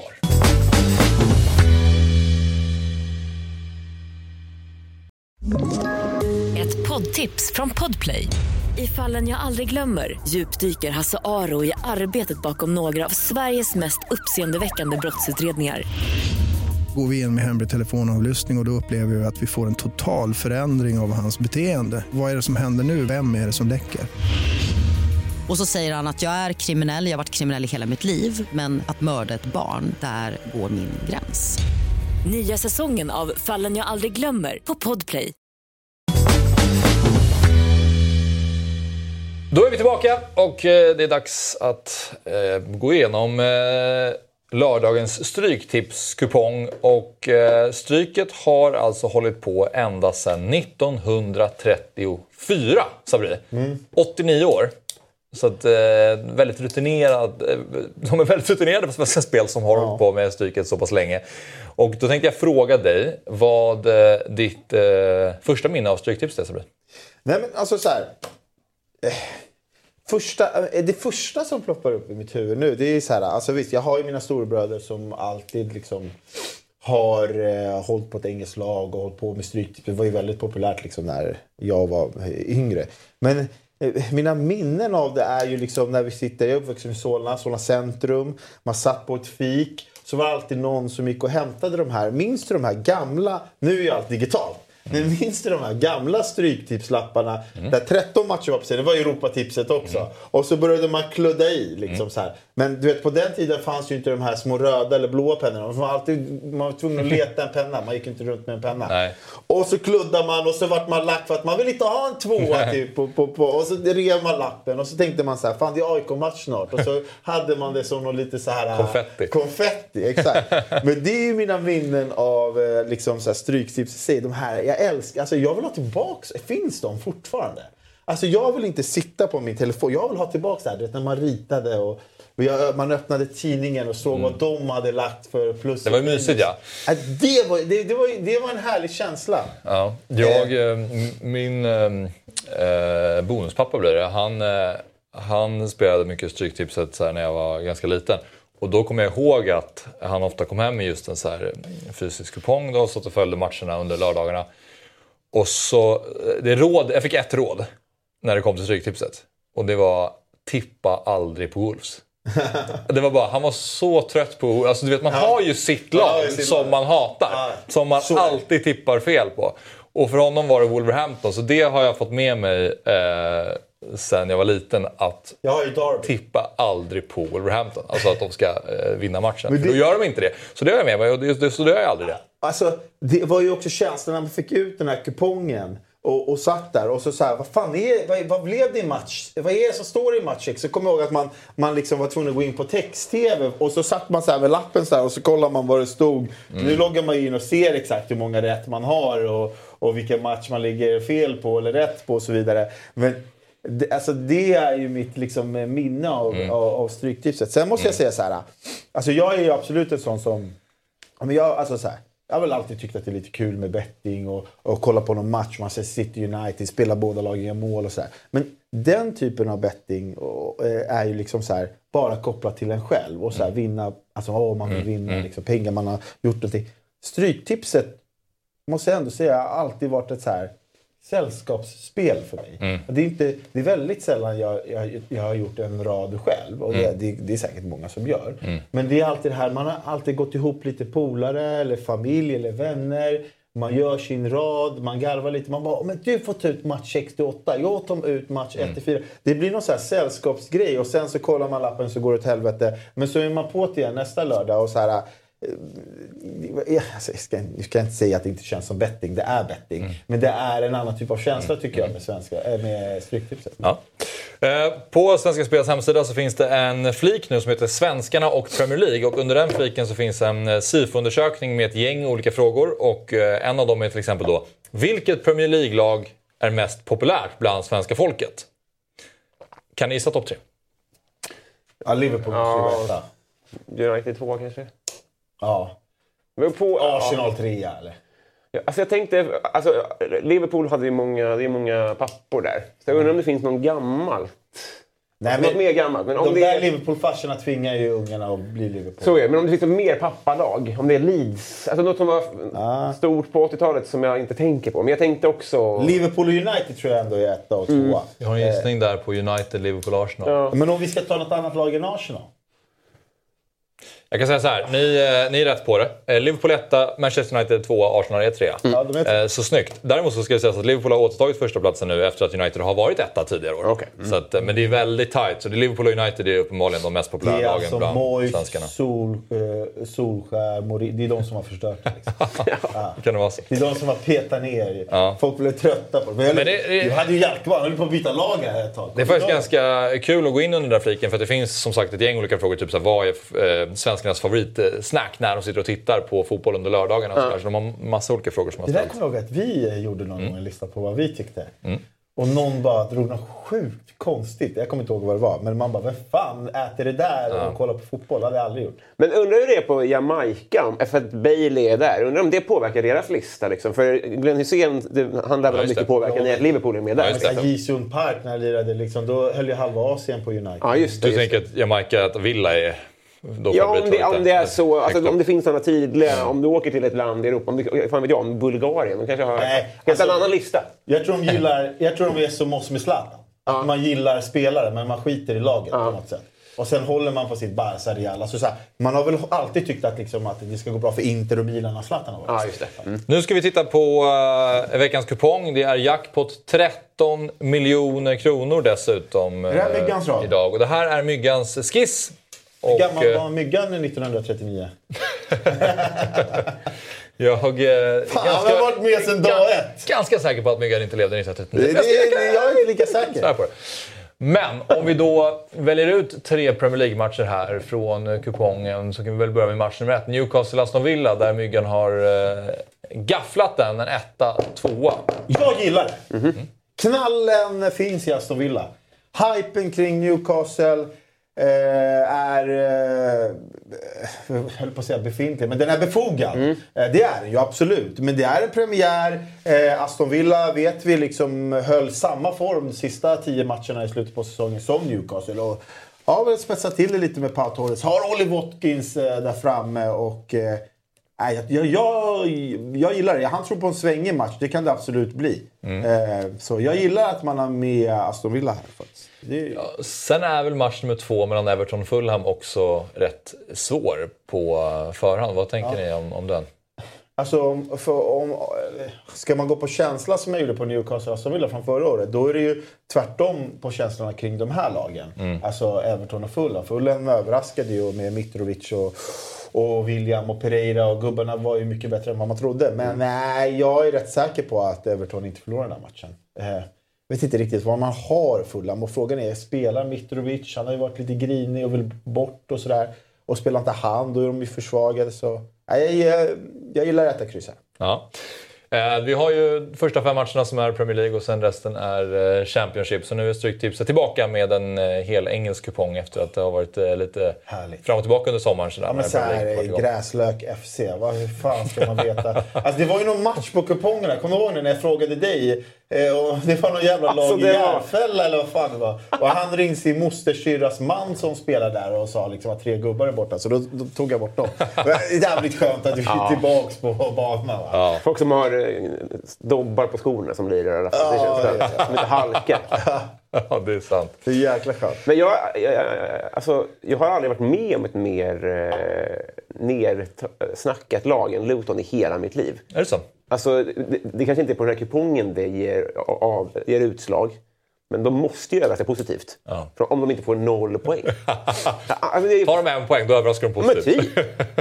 Har det, har det någonsin varit så här?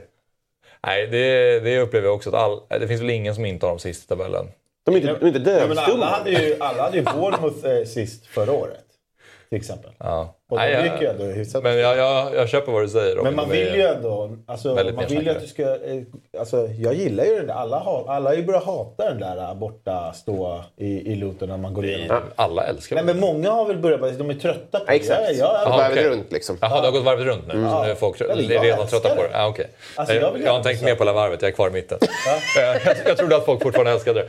Men eh, de första fem matcherna som sagt Premier League, sen är det resten Championship. Så här ser kupongen ut.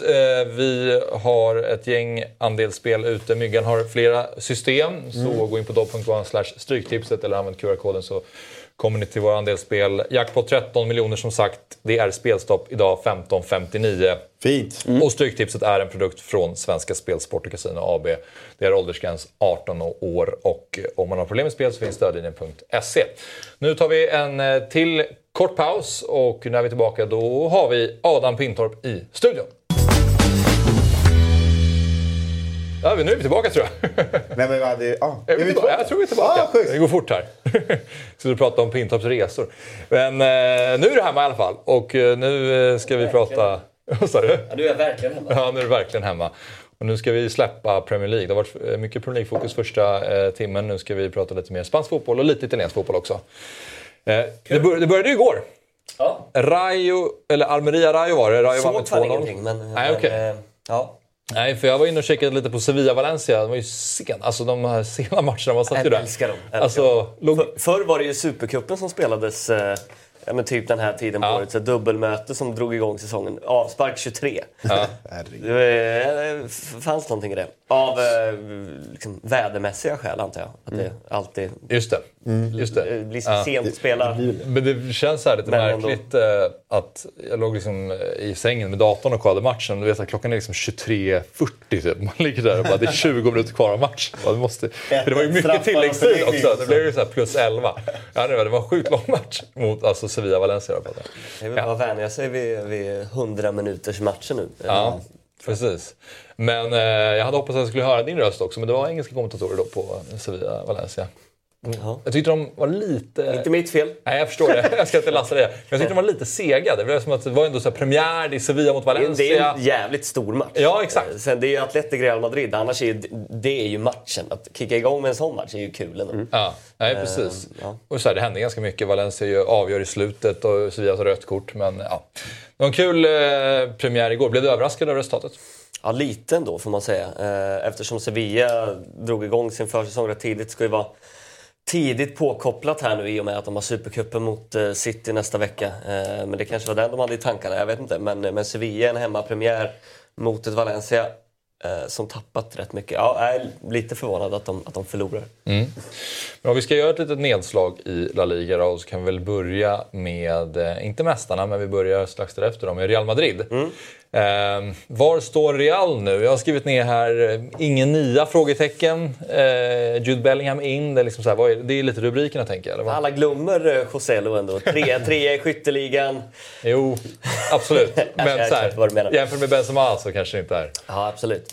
Folk kommer bli förvånade nu när det inte blir någon Mbappé och han ändå står där. Eh, vin- Kommer vinna EM nästa år som skyttekung för Spanien, gör 23 mål här under säsongen.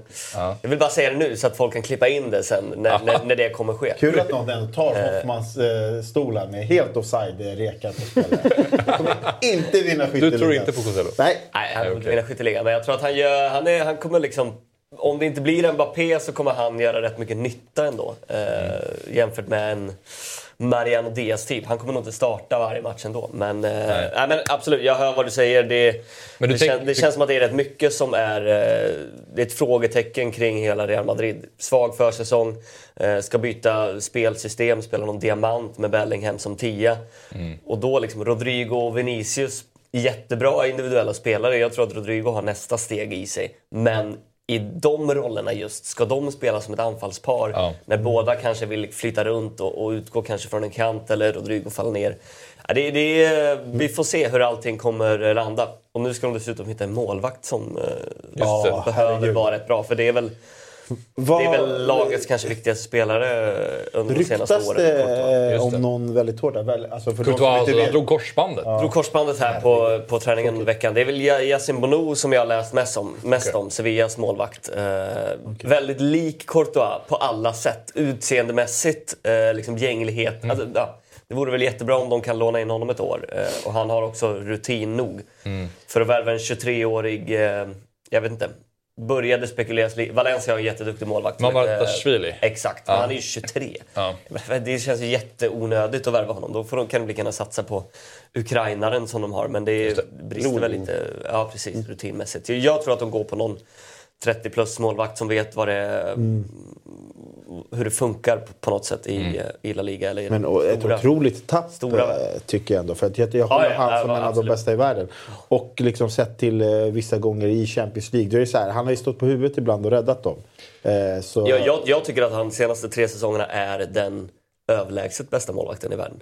Och då är det ändå... Två av de senaste tre säsongerna har en målvakt vunnit MVP i La Liga. Han har inte gjort det något av åren. Det är Oblak vann när, när Atletico vann för två år sedan. Ter Stegen blev MVP förra säsongen. Eh, ändå tycker jag att Courtois är klart bäst. Eh, och nej, det- det blir ju ett jättetapp oavsett vem de får in. Oavsett om det är de Gea eller Bono eller vem det nu blir. Så, Ja, precis. Det är många som skriver om det. Blir, borde väl bli de Gea, skriver Freddy och Niklas där i chatten till exempel. Och Raya... Till hands. Det, det, det, ro, det roliga är att om, om, om det blir de Gea med hans monsterlön så fan, ge mig fan på att Lunin spikar igen de första två omgångarna och de Gea ändå inte får spela. Alltså, det, jag, ty, jag tycker inte att han är så bra. Nej. Så ovärdigt för de Gea också att, att vara plåster på såren tills Courtois är tillbaka. Och det vore liksom så här, ännu en spelare som har varit och på nå, nå, någonstans kommit fram i Atletico Madrid som det ändå slut, slutar i Real Madrid. Nej, det hade varit... Eh, Ja. Det hade varit lite kul för det hade eldat på hela den rivaliteten som har blivit nästan eh, känsligare de senaste åren om det blev de Gea. Ja. Eh, Jämfört med Bono. Bono hade ju bara, "Va, okej jag tar ett år lån i Real Madrid, det är väl kul. Alla i Marocko tycker att det är jättebra. Men ingen bryr sig jättemycket kanske förutom Sevilla-supportrarna. Men ja. Ja. Men tycker du att man har felprioriterat när man har värvat spelare? Då? Alltså... Real Madrid? Ja. Nej, alltså e- egentligen inte. Jag, jag ser väl både Toni Kroos och Luka Modric som inte så jättegivna den här säsongen. De kommer nog inte starta 45 matcher i alla fall. Eh, och eh, har man chansen att värva Jude Bellingham så tycker jag att man ska ta den. För han är Ja, men, al- exceptionellt alltså, där- Du, du har väl sett honom ja, mer än alla runt det här bordet, antar jag. Och, eh, ja, men jag, jag, jag, jag har blivit imponerad varje gång jag sett honom både i landslag och klubblag senaste, i alla fall ett och ett halvt året. Sjukt att se honom bli vuxen så fort också. Ja. Eh, att man blir lagkapten och så, så självklar i alla sammanhang. Hur, hur, han, hur han för sig i de här första intervjuerna med Real Madrid. Det, alltså, jag känner mig som ett barn. Ja, exakt. Så fort jag hör han öppna munnen. Det är en otroligt robot han- men ändå så rätt på alla frågor. Liksom. Men alltså, där har de väl gjort alla rätt. Alltså om vi tar på den positionen, alltså på mittfältet. Att de på något sätt liksom haft Kroos och Modric hela tiden. Men att man inte bara så här som, som kanske United gjorde, liksom, där, vet, när, man, när, när alla bara slutar. Och där ska man då lyfta in spelare som ska hålla i det. Här har de ju liksom... eh, De har ju Kamavinga som kan spela, de har Chamini, de har Bellingham, Ceballos. Alltså de har ju ett jätte, jättefint mittfält tycker jag, Real Madrid. Alltså där är det verkligen... Har, har, har något lag haft ett på pappret bättre mittfält genom, genom hela historien? Inte om man tar liksom hela alltså, Alltså, själva äh, bredden. äh, helt, Alltså- helt allvarligt. He, alltså, eh, all fotboll. Nej, men nu måste man ju få All tänka fotboll lite. någonsin. Har någon haft ett bättre mittfält? Roligt är att han som är kanske, jag tror mest given, möjligen förutom Bellingham, han, han nämns inte ens här. Det, är- det är Valverde. Ja. Valverde, ja, jo han också. Men då, Det är- men, men, då, menar Jag du, glömde honom, han, han är sjua. Det är då menar du liksom hela uppsättningen tolkar du som? Alltså inte liksom, Ja, de, tri, trion på mitten? För det, är- det är väldigt svårt tycker jag att, eh, att peka på vilka tre alternativt fyra som kommer starta. Eh, nu har de premiär ikväll och det kanske blir en liten fingervisning men jag tror att vi det kan ha förändrats rätt mycket när vi går in i ett Champions League-slutspel. Eller så här, det, vi, vi får väl se var, var Kroos, var Modric står, hur, hur pass snabbt Bellingham anpassar sig till miljön.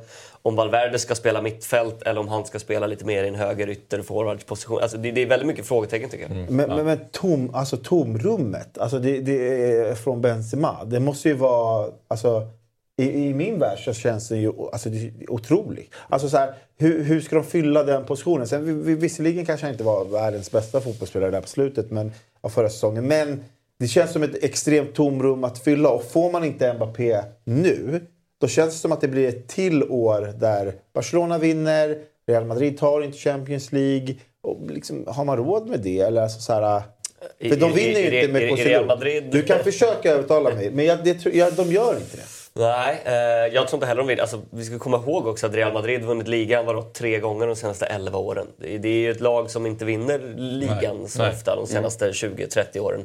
Eh, och att de då ska göra den här upplagan, nej, vi får väl se. Eh, däremot så tycker jag att det enda som är problematiskt, eh, förutom att det är rejäl konkurrens, och det är väl bara positivt, eh, det är ju just nummer 9-positionen. Mm. Annars så tycker jag att så här, ställ, ställ Real Madrids B-lag, alltså reservelvan, mot alla andra lag så tycker jag att de har, alltså, de har bättre lag än alla andra i världen. Jo. Och det tror jag kan räcka ganska långt Det också. räcker till en Det- andra det- det- plats i ligan och kanske någon kvartsfinal i Champions League. Men det är ju inte Real Madrid. De ska ju vinna ligan. De Absolut. ska ju det, eh, gå till Champions League-final. Och, jag, jag bara, och de hamnar i ett jävla dilemma här när de vill ha Mbappé så jävla hårt. För att det hade ju kunnat... Det hade ju funnits andra nior de hade kunnat gå på i år. Som om de hade pungat ut hade de säkert fått det. Problem, problemet är att han inte är en nia, tycker jag. jag, jag Exakt, det Alltså, var här, min andra fråga. men, och, om det nu, om det, om det nu De existerar en, en eh, Real Madrid-klausul i eh, Haalands kontrakt med City som kickar in efter två år. Då tycker jag att det är rimligare för Real Madrid att så här, ett, eventuellt skippa och vinna en titel då. Mm. Alltså, ärligt talat, för att inte heller eh, på något sätt grusa eh, framfarten för spelare som eh, Rodrigo, Vinicius, Arda Güler, Bellingham, Kamavinga, Valverde. För det, är eventuellt, alltså, det skulle kunna bli lite problem om Mm. Mbappé kommer in. Och två då, att Mbappé inte är den typen av nummer nio-spelare som en Erling Haaland exempelvis. Mm. Och Eh, jag, jag, jag tycker inte bara att allting blir helt självklart. Att så här, Mbappé kommer till Real Madrid, de, de, kommer liksom, de kommer vinna alla, alla fotbollsmatcher för evigt. Jag är inte lika säker på att det kommer vara så enkelt. Vad menar du med människa? Har han ju bråkat sen han var i Monaco. Alltså, att han kom in och lösa allt det här. Alltså, då känns ju Haaland som att det har gått mycket smidigare i hans, eh, i hans affär. Det, det är bara krångel med Mbappé hela tiden. Sen vill jag dock att han går till Real. Det hade varit, Mm. det hade varit jävligt häftigt. Ja. Och det är kul att se världens kanske bästa fotbollsspelare eh, någon annanstans än i PSG. Men det är inte första fönstret där det har kostat Real Madrid känns det som. Att, att det är en pågående dragkamp hela tiden. Nej. Att, så här, eh, det, det, är bara, det, har, det är bara tjafs med honom fram och tillbaka. Och pengar. Och ska han lämna eller ska han inte lämna? Där man då inte kan hitta en annan lösning. typ. Ja, men eh, jag tänker man kan stanna vid Mbappé-diskussionen ganska länge, men vi måste gå vidare. Vi ska prata Barca också. Och eh, där är det ju mycket, mycket ekonomisnack hela tiden. Att det är strul med hur de ska få ihop allting och ska de hinna Har ni, registrera. har ni, har ni red, redogjort det så jag slipper det eller? Nej, vi har inte riktigt redogjort det, men vi behöver liksom kanske inte göra det ordentligt heller. Men... Det, är, det är framförallt jävligt svårt. Alltså, Ja. jag, ingen förstår ju riktigt vad som sker. De har inte ens Nej. registrerat alla nyförvärven. Exakt. Och det verkar Spelar som imorgon. att de kanske inte... Det är lite oklart fortfarande huruvida de hinner registrera alla spelare. Och vad jag läste senast var väl då att Marcos Alonso och Inigo Martinez skulle vara de som... Om de inte skulle hinna registrera alla så är det de som får stå utanför. Ja. Och då, då är det då, det, alltså, då är det ju, Alonso skrev ju nytt kontrakt. För annars så kan ju många tänka, va, va, hur kan han inte vara registrerad? Han spelade ju ändå förra säsongen. Mm. Det är det som är grejen. Just det. Araujo är väl den senaste i raden tror jag som har hunnit bli registrerad. Och det är ja, kanske Viktigt. fullt rimligt Mm. att han går först. Eh, Men vi får se om de kan ställa 11 spelare mot vi- någon. jag är bara lite så här, vad, vad är det de säljer av hela tiden? Nu drog du, han drog, upp någon så här, Barca Studio 20%. Nu var det Barca Vision här senast, så jag, jag vet inte heller vad. Det Vad är nya är det grejer hela Det tiden. finns alltid någonting att sälja. Det finns alltid någonting att sälja. Men ska vi sätta att de, de kommer inte heta Barcelona inom fem år? Va? kommer ju sälja namnet. FC Spotify. Ja, precis. Nej, men det är Nej, otroligt. det, det är väl där det kommer landa. Men eh, vad tror du om Neymar då? Om jag bara får flika in Ja, så här, för det ryktas ju sten och tror att det är... Eh, Ja, ja, li, lite samma som med Mbappé, bara att det finns en liksom, horisonten är lite längre bort. Det, det, jag tror att Mbappé i Real Madrid hade kunnat orsaka problem på kort sikt, men också bli jävligt bra på lång sikt, även på kort sikt. Neymar tror jag, så här, det är ju en ett spännande namn såklart. Och om han vill spela fotboll på högsta nivån i två år till så det är klart att så här, eh, Fråga vem som helst, vill du hellre by- bygga ett lag nu kring Neymar eller Ansu Fati så tror jag rätt många väljer Neymar. Om han är Neymar i- sin bästa version. Mm. Men det var det men lite det är ju, det är ju alltså, om vi ska pra prata frågetecken så så han är mest syns på Ushuaia på Ibiza under de senaste tre, fyra, fem veckorna. Jag har ingen aning om Jo, vad men Neymar vi såg ju. Haalands semester. Den var ju, han, de visade ju det på via, Viaplay. Ja, han hade ju åkt från Ibiza till Saint-Tropez. Bara, bara, jag spelade in ett Men man har ju också förtroende för att han ändå typ tar hand om sig själv samtidigt. Jo, men så här, Precis, alltså, han kröker ju inte på samma sätt. Alltså, Neymar går ju ner sig. Ja, exakt. Vilket ju också gör att man gillar, gillar honom. Men om Neymar inte hade festat, då hade du tänkt såhär, det, han mår inte riktigt bra. Alltså, han är ju festar och kul. Och jag såg också den bilden med Vinicius Junior och gled in där. Det är, men jag tror att, vadå, han behöver något så här klimat som Barca har. Jag tror att han skulle må så jävla bra där. Jag tror att han hade varit så bra i Barca. Jag, Alltså, jag, jag, jag går ändå igång på tanken, det, det måste jag säga. Även om det är ett år lån, om det är Saudi som kliver in och löser det och att han lånas in. Det kanske är den ekonomiskt enda lösningen för, för Barcelona. Eh, för jag läste att de, de lönemässigt kommer kunna ha råd med honom. Eh, så länge han är villig att acceptera något lägre lön. Och det verkar han ju vara, för han vill ju, han vill ju dit till, till, ehm, till vilket Ja, så. pris men, som men där, de, där Barca är idag då? Hur högt håller de sett till att ja, du, de är ju favoriter till att vinna ligan. Men eh, rent generellt då Champions League. Champions League är ju mycket så här, vilka... Alltså det ska ju vilka man sägas att hoppas. Barcelona har tappat, alltså Frankesi var ju inte en bärande spelare, men honom har de tappat. Och sen så Jordi Alba och Busquets är ju ändå två som har varit eh, liksom, superviktiga för Barcelona under väldigt lång tid. Och in kommer då... Vad sa du? Och Dembélé då. Ja, precis. Ja, det ska väl Klart bästa adderas. yttern ändå. Ja, absolut. Och Ja, sen de in 20 eh. Gündogan Martinez och Oriol Romeo egentligen. Liksom. Och sen... Mm. Ja, det, är, det, är, det är häftigt. Han har gjort resan. Bar- Bar- Barsas bästa generation någonsin om vi pratar ungdomslag var ju den 91-generationen med Thiago, eh, Bartra, Teo, Cuenca. Och så, och så är det Oriol Romeo som ändå liksom värvas tillbaka nu 12 år senare.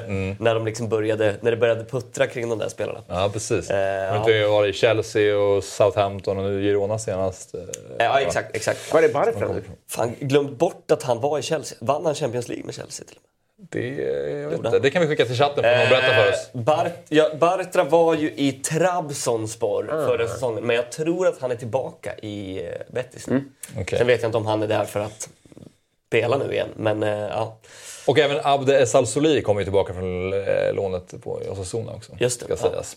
Men, Ett eh, namn att lägga på minnet. Även om, om, man inte lyckas i Barca så lyckas han någonstans, för det är en jävla kul fotbollsspelare. ja, det är det. Svårt namn att lägga på minnet. Ja, men Ab- Abde kör han på ryggen. Så Abde det blir bra. kan man... Det är lite... Det är lite Eh, vad, vad hette han? Jag hade redan glömt det också. jag, vet, jag, jag har lagt det på minnet men jag kommer inte ihåg det för det är för svårt. Du har ju en eh, kommentator, eh, kommenta- han kan ju alla efternamn. Ja. Bara för fråga. Ring honom varje gång. Ja, Du, vad, vad hette Abde? Men det räcker med bara Abde. Jag har ju sagt åt dig. För att förenkla så kör han ju till och med, det är ju helt märkligt, men han kör ju S Abde på ryggen. Alltså EZ Abde. Vilket ingen förstår. Han har liksom de två första bokstäverna av sitt efternamn före förnamnet på ryggen.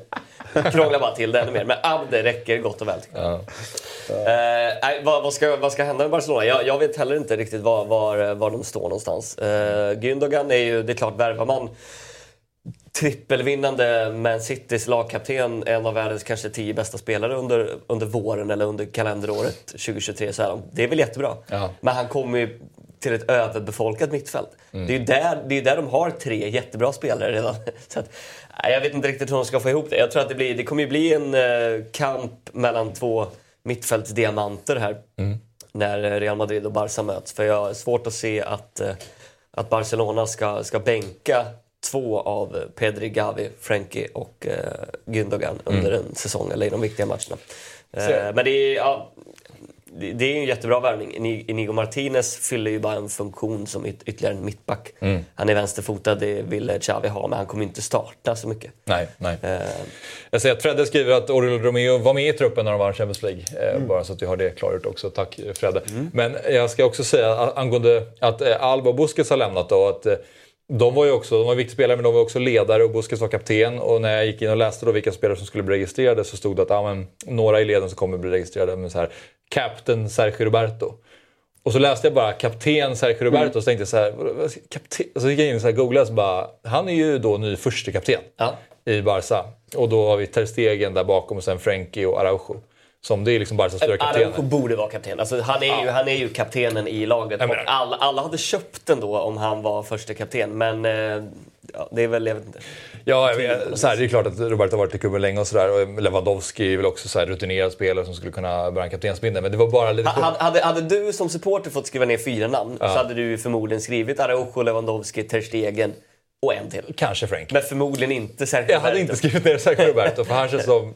Alltså, man har ju aldrig uppskattat honom som fotbollsspelare. Och han har ju aldrig... Han har ju, ja men det har jag aldrig gjort. Och han har ju aldrig riktigt varit en startspelare, given i elvan. Du, du får ju känslan av att fan en kapten, han, en kapten ska ju starta matchen. Lite så. Och då Absolut. känner du så här, fan ska han starta? Fan vad deppigt. Bara redan, redan på förhand deppigt att han ska Men, starta. men, men det, jag tror att så här, det, det finns ändå en aspekt av eh, ja, men personen och hur de, hur de ter sig och hur man ändå tänker sig att de är i ett omklädningsrum.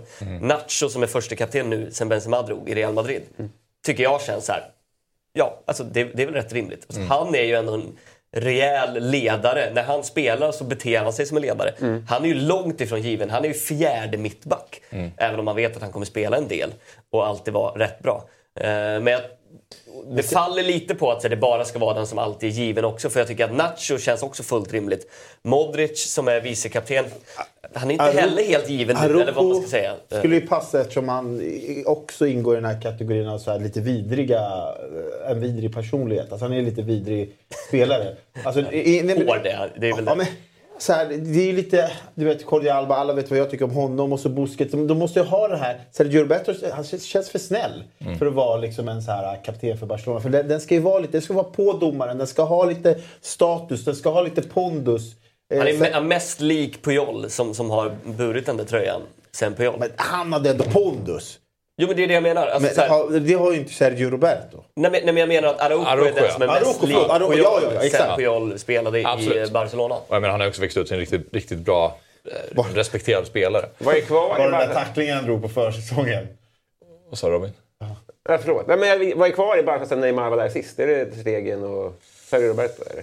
När drog han? Var det 2016, 17? Han vann Champions League 2015 och var kvar något år till va? Mm, jag tror det. Ehm, Ter Stegen var ju där. Eh, Sergio Roberto. Ja, det är du säger. Givetvis. Eh, Vet han om det här? Vadå? Alltså, Att Neymar? Neymar, att han inte kommer till samma lag? Alltså det är ju inte... Ja, det är en bra fråga. Det känns inte så. Han känner ju Han Xavi har ju bara kollat vilka klubbar som finns kvar sedan 2016. Han skiter ju vilka spelare som finns kvar. Men eh, Adam, vi ska gå in på din lista nu. Du har ju fått plocka fram de fem mest intressanta värvningarna till La Liga. Just det. Och eh, vi börjar med nummer fem. Helt enkelt. Och skickar upp... Eh, ja, vi går i, jag har ingen rangordning, men vi, Nej, vi, vi får ta dem som, då- de, som de kommer. De kanske kommer eh, då kan vi ju- 51 ändå. Ja, här har vi i alla fall ett namn då. Ja, just det. Oh, uff, jag... Där har vi ju... Tur att du sa att det inte var någon rangordning, för då var du började på nummer fem. Så kommer Ky- Kyle Larin som etta sen. Men eh, han kommer också. Ja, som Eh, 3-3-3 får svar på sin fråga direkt. Adams tankar om Bellingham. Ja, perfekt. Fan vad snygg tröjan är för övrigt. Man måste flika in det. Ibland tycker jag Real Madrid... Lag som bara har vita tröjor eller enfärgade tröjor. eh, Det tenderar ju att bli ganska same same. När de bara, "Ah, visst är det samma tröja igen. Som Tottenham också. Den, här, den, den, där är, den där är jävligt snygg måste jag säga. Eh, Bellingham till Real Madrid. Jag tror... Är Robin kvar i studion? Någon som undrar? Eh, Robin är kvar, han är här. men vi, kan- vi kan väl prata bara säga, vi kan väl prata lite Bellingham. För du, du som jag sa det, du, du har ju sett honom mer än de flesta tror jag. I och med att du, eh, du har, en liten, eh, du har ett finger med i Dortmund-spelet eh, på något vis. Eh, eh, jag tror att det här är, det är framtiden på mittfältet för både England, eh, om vi pratar landslag, och eh, Real Madrid. Eh, bland de bästa tonåringar jag har sett, i alla fall i Champions League, de senaste, senaste åren. Eh, jag tror det kommer bli riktigt bra. Mm. Du, nämnde det här bästa mittfältet någonsin. Kan det någon gång bli... Alltså, om det är så många som slåss om så få platser, Ja. kan det bli... eh, Kan det bita dem någonstans? Jag, jag tror att en spelare kan vi ju räkna bort direkt. Han har ju accepterat sin roll. Det är ju Dani Ceballos. Han är ju sjua på det mittfältet. Eh, Som ändå var uppskattad förra året, eller hur? Absolut. Ja. Ja. Eh, såg han spelade 46 matcher ändå. Otroligt. Rätt mycket. Och två till då, som också accepterar sina roller, tror jag ändå är Toni Kroos och Luka Modric. De har ju pratat väldigt mycket om att det här, det här är ett år då vi, vi går in i säsongen för att vinna allt och för att starta så många matcher vi kan. Men vi är också här för att vara någon form av Okej. tränarens förlängda arm ut på planen. De ska lära eh, Bellingham eh, och, och, och övriga allt de kan. Så, såg ni klippet på Bellingham när han ser Toni Kroos passning till eh, Vinicius under försäsongen? Det var mot Juventus. Under passningen, alltså Toni Kroos slår en, en han frispelar eh, Vinicius med en så här 60 meters boll typ. Eh, och under passningen, innan den ens har gått fram, så ser man Bellingham bara liksom så här springandes. och bara så här, han, han vänder sig, han, han fortsätter inte ens. Och så blir det mål. Han bara vänder sig om och bara liksom, bara, vad, vad, vad, är, vad, är, vad är det som vad är, Vad är det för nivå jag kommit hur, till? Hur kan man slå en sån passning? Eh, googla fram den eller via Youtube eller något annat. Eh, den, är, den är otrolig, passningen. Eh, men också det är kul att se Bellingham. Och jag tror att de fyller en annan funktion än vad de kanske har gjort tidigare. Eh, med det sagt så blir det väl kanske inte riktigt så problematiskt som man kanske tror på förhand. Sen så här, Valverde, Bellingham, Camavinga, Chouameni. De fyra ska ju spela och vill ju spela och Kamavinga vill ju inte bli satt som vänsterback. Så det, det, det är väl, det är väl om, om någon av dem inte får spela så mycket som det kan bli eh, problem. Ta nästa spelare på listan av de intressanta nyförvärven. Får du berätta för oss. Eh, han är, det här är väl kanske inte någon lika känd spelare som uh, Bellingham. Han kostar ungefär en miljard och, eh, mindre än vad Bellingham gjorde. Kom gratis. Men säg så här då, Rayo, ett, ett Rayo som ändå var, var nära att nå Europa. Deras bästa centrala mittfältare går gratis till Villarreal. Jag tycker det stärker Villarreals hela fönster. De har ju gått en miljard plus det här fönstret, Villarreal. Och det är väl mer att så här, kanske bara nämna det som sin helhet och att de gör en värvning gratis som, som jag tror är eh, jävligt bra. Va, jag har inte så mycket koll. Vad är det för spelare? En eh, defensiv mittfältare eh, som är någon hybrid av eh, bollspelare men också eh, den defensiva mittfältaren som kan eh, vinna rätt mycket boll. Eh, underskattad som få skulle jag säga. Ett namn som ligger bra i munnen för en kommentator kan jag. Kometsania, ja det är, otroligt faktiskt. Ja, det kan du lägga på minnet. Det ser ju ut, det ser ju ut, när man ser honom så ser det verkligen ut som att han ska spela i Villarreal. Så ser alla spelare i Villarreal ut. Ja, han Det är liksom faktiskt- Parejo, Albiol, alla ser ut Jag så, tänkte typ. på, tänkte på Parejo. Men okej, spännande. Eh, vi tar nästa spelare. Eh, men lite samma, samma spår där så tycker jag att eh, Atletico Madrid har gjort ett bra fönster. eh, värvat spelare som kanske inte direkt kommer gå in och eh, avgöra matcherna eller ta en given eh, startposition. Men jag tycker att både Javi Galan och även eh, Aspilicueta är liksom... För att vara gubbe 12, 13, 14 så är det jävligt bra spelare. Mm. Eh, enda problemet är väl att de vänsterbackarna som kanske är bättre i ligan, det är väl de som spelar i, i Real Madrid och Barcelona. De är Balde och nu Fran Garcia. Men han, är, han, är, han har otroliga siffror när det gäller att utmana eh, och ta sig förbi sin gubbe. Sjukt snabb, spelade som vänsterytter när han var yngre. Eh, och då komma in till ett Atletico Madrid som förmodligen ska spela med, med fembackslinje, eller med wingbacks snarare. Så tror jag att han kommer kunna vara eh, riktigt bra. Jag blir inte förvånad om han startar mer än vad Carrasco gör. Mm. Det är i alla fall en lite annan spelartyp. Liksom. Carrasco, ska han vara då vara wingback? Det har han varit nu tre år kanske, så det kommer han nog fortsätta vara tror jag. Ja, jag missar helt. Ja, men det är ändå Känns som mycket... en klassisk ytter i mitt huvud, men ja, ja, ja, jävlar, gått under min radar. Om Comesaña har ett eh, Villarreal-utseende så tycker jag Javi Galan har ett väldigt vänsterbacksutseende. Det där är liksom en vänsterback med en ganska... Alltså spansk också. Med påminnelse så här, man tänker kanske Jordi Alba men också att det är liksom...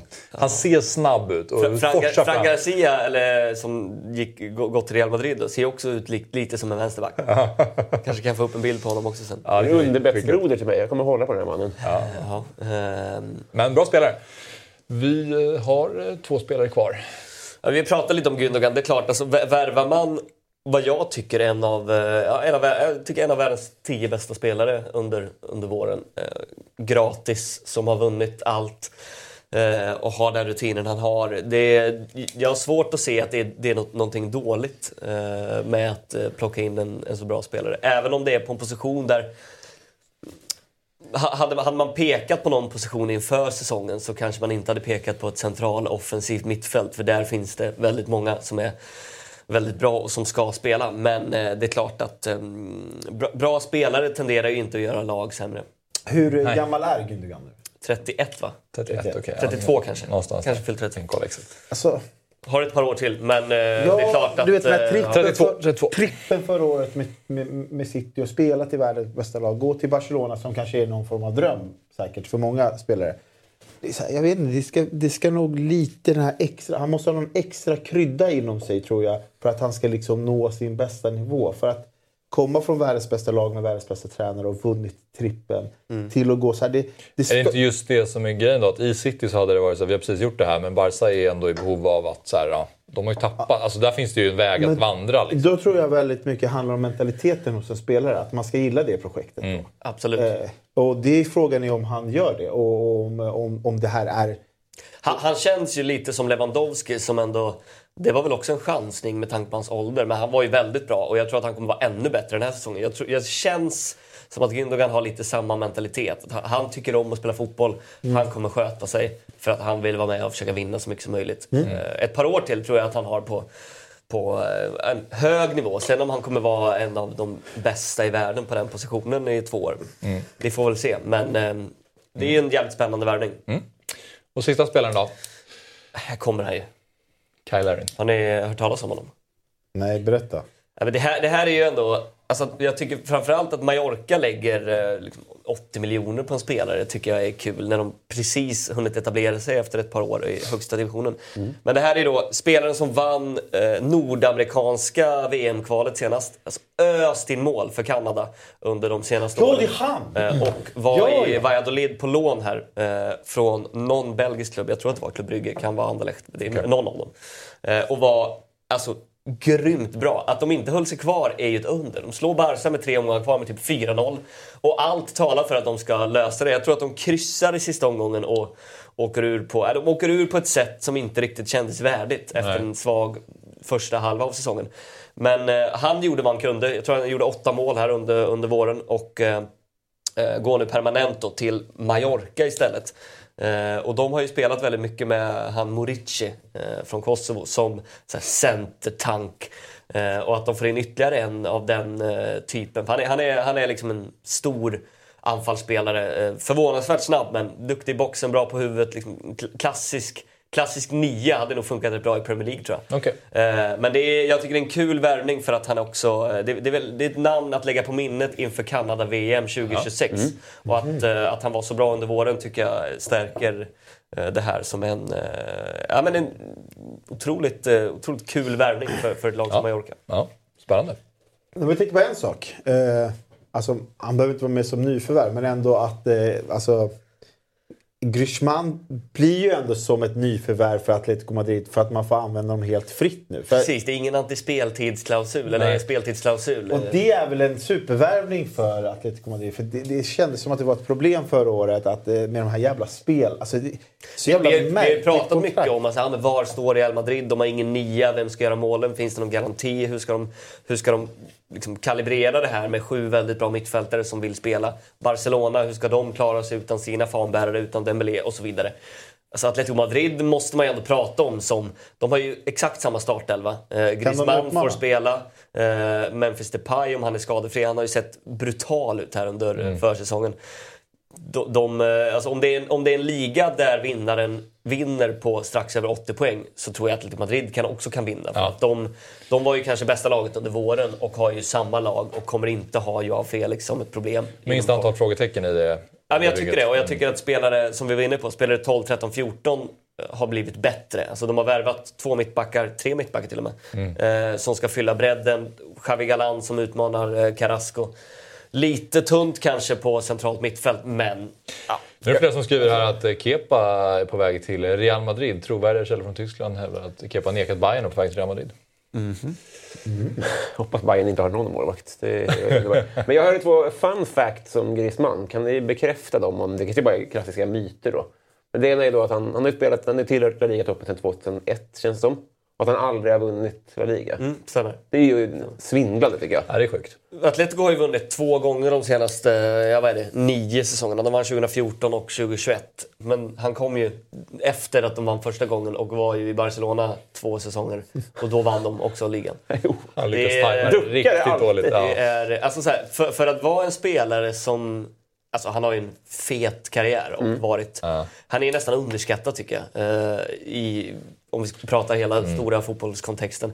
På landslagsnivå så är det ju få som har bemästrat vad han Mm. har gjort och varit så bra i mästerskap som han har varit. Så det är klart att han har...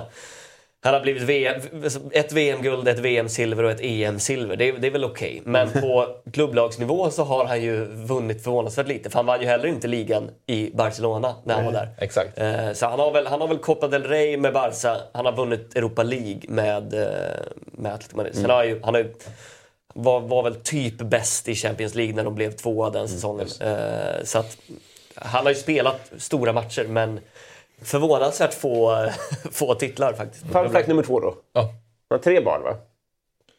Nej, Du, du, hans privatliv kan Han jag har barn i lika alla fall, det vet jag, men han många har barn inte. och han är gift med en, eller tillsammans med en spansk kvinna. Tre barn, eh, inga tvillingar eller sådär. Alla är födda på samma datum. Ja, det, ja, det, det, det stämmer. Det, det är viktigt. Det är så jävla skruvat alltså. Det är sjukt. Eh, Men det är, ni- nio månader innan så är ju Atletico Madrids årsfest. Eh, Så det är ju... Jo, men bara att, vi säger att de har tajmat det då? Att de, att de Nej, det- ligger det uppe... är ju helt omöjligt. Det är helt... Men kan, kan det vara så stört att de är så här, nej men nu kör vi kejsarsnitt idag. Ungen är inte helt färdig, men vi har en grej här där det måste vara. 4 maj, då, då har vi barn i den här familjen. Intressant. Ja. För det är ännu sjukare Ja, än det, det, det, det, är ju- det är ju en eh, morbrors dröm. Jag, jag ringde mitt, mitt syskonbarn idag. Jag har ju 13 syskonbarn. Och det är så jävla svårt att komma ihåg eh, när alla fyller år. Det hade ju varit dröm att alla är födda på samma Och dag. dröm är det, för, liksom så här, för det Antoine. blir ett kalas per år.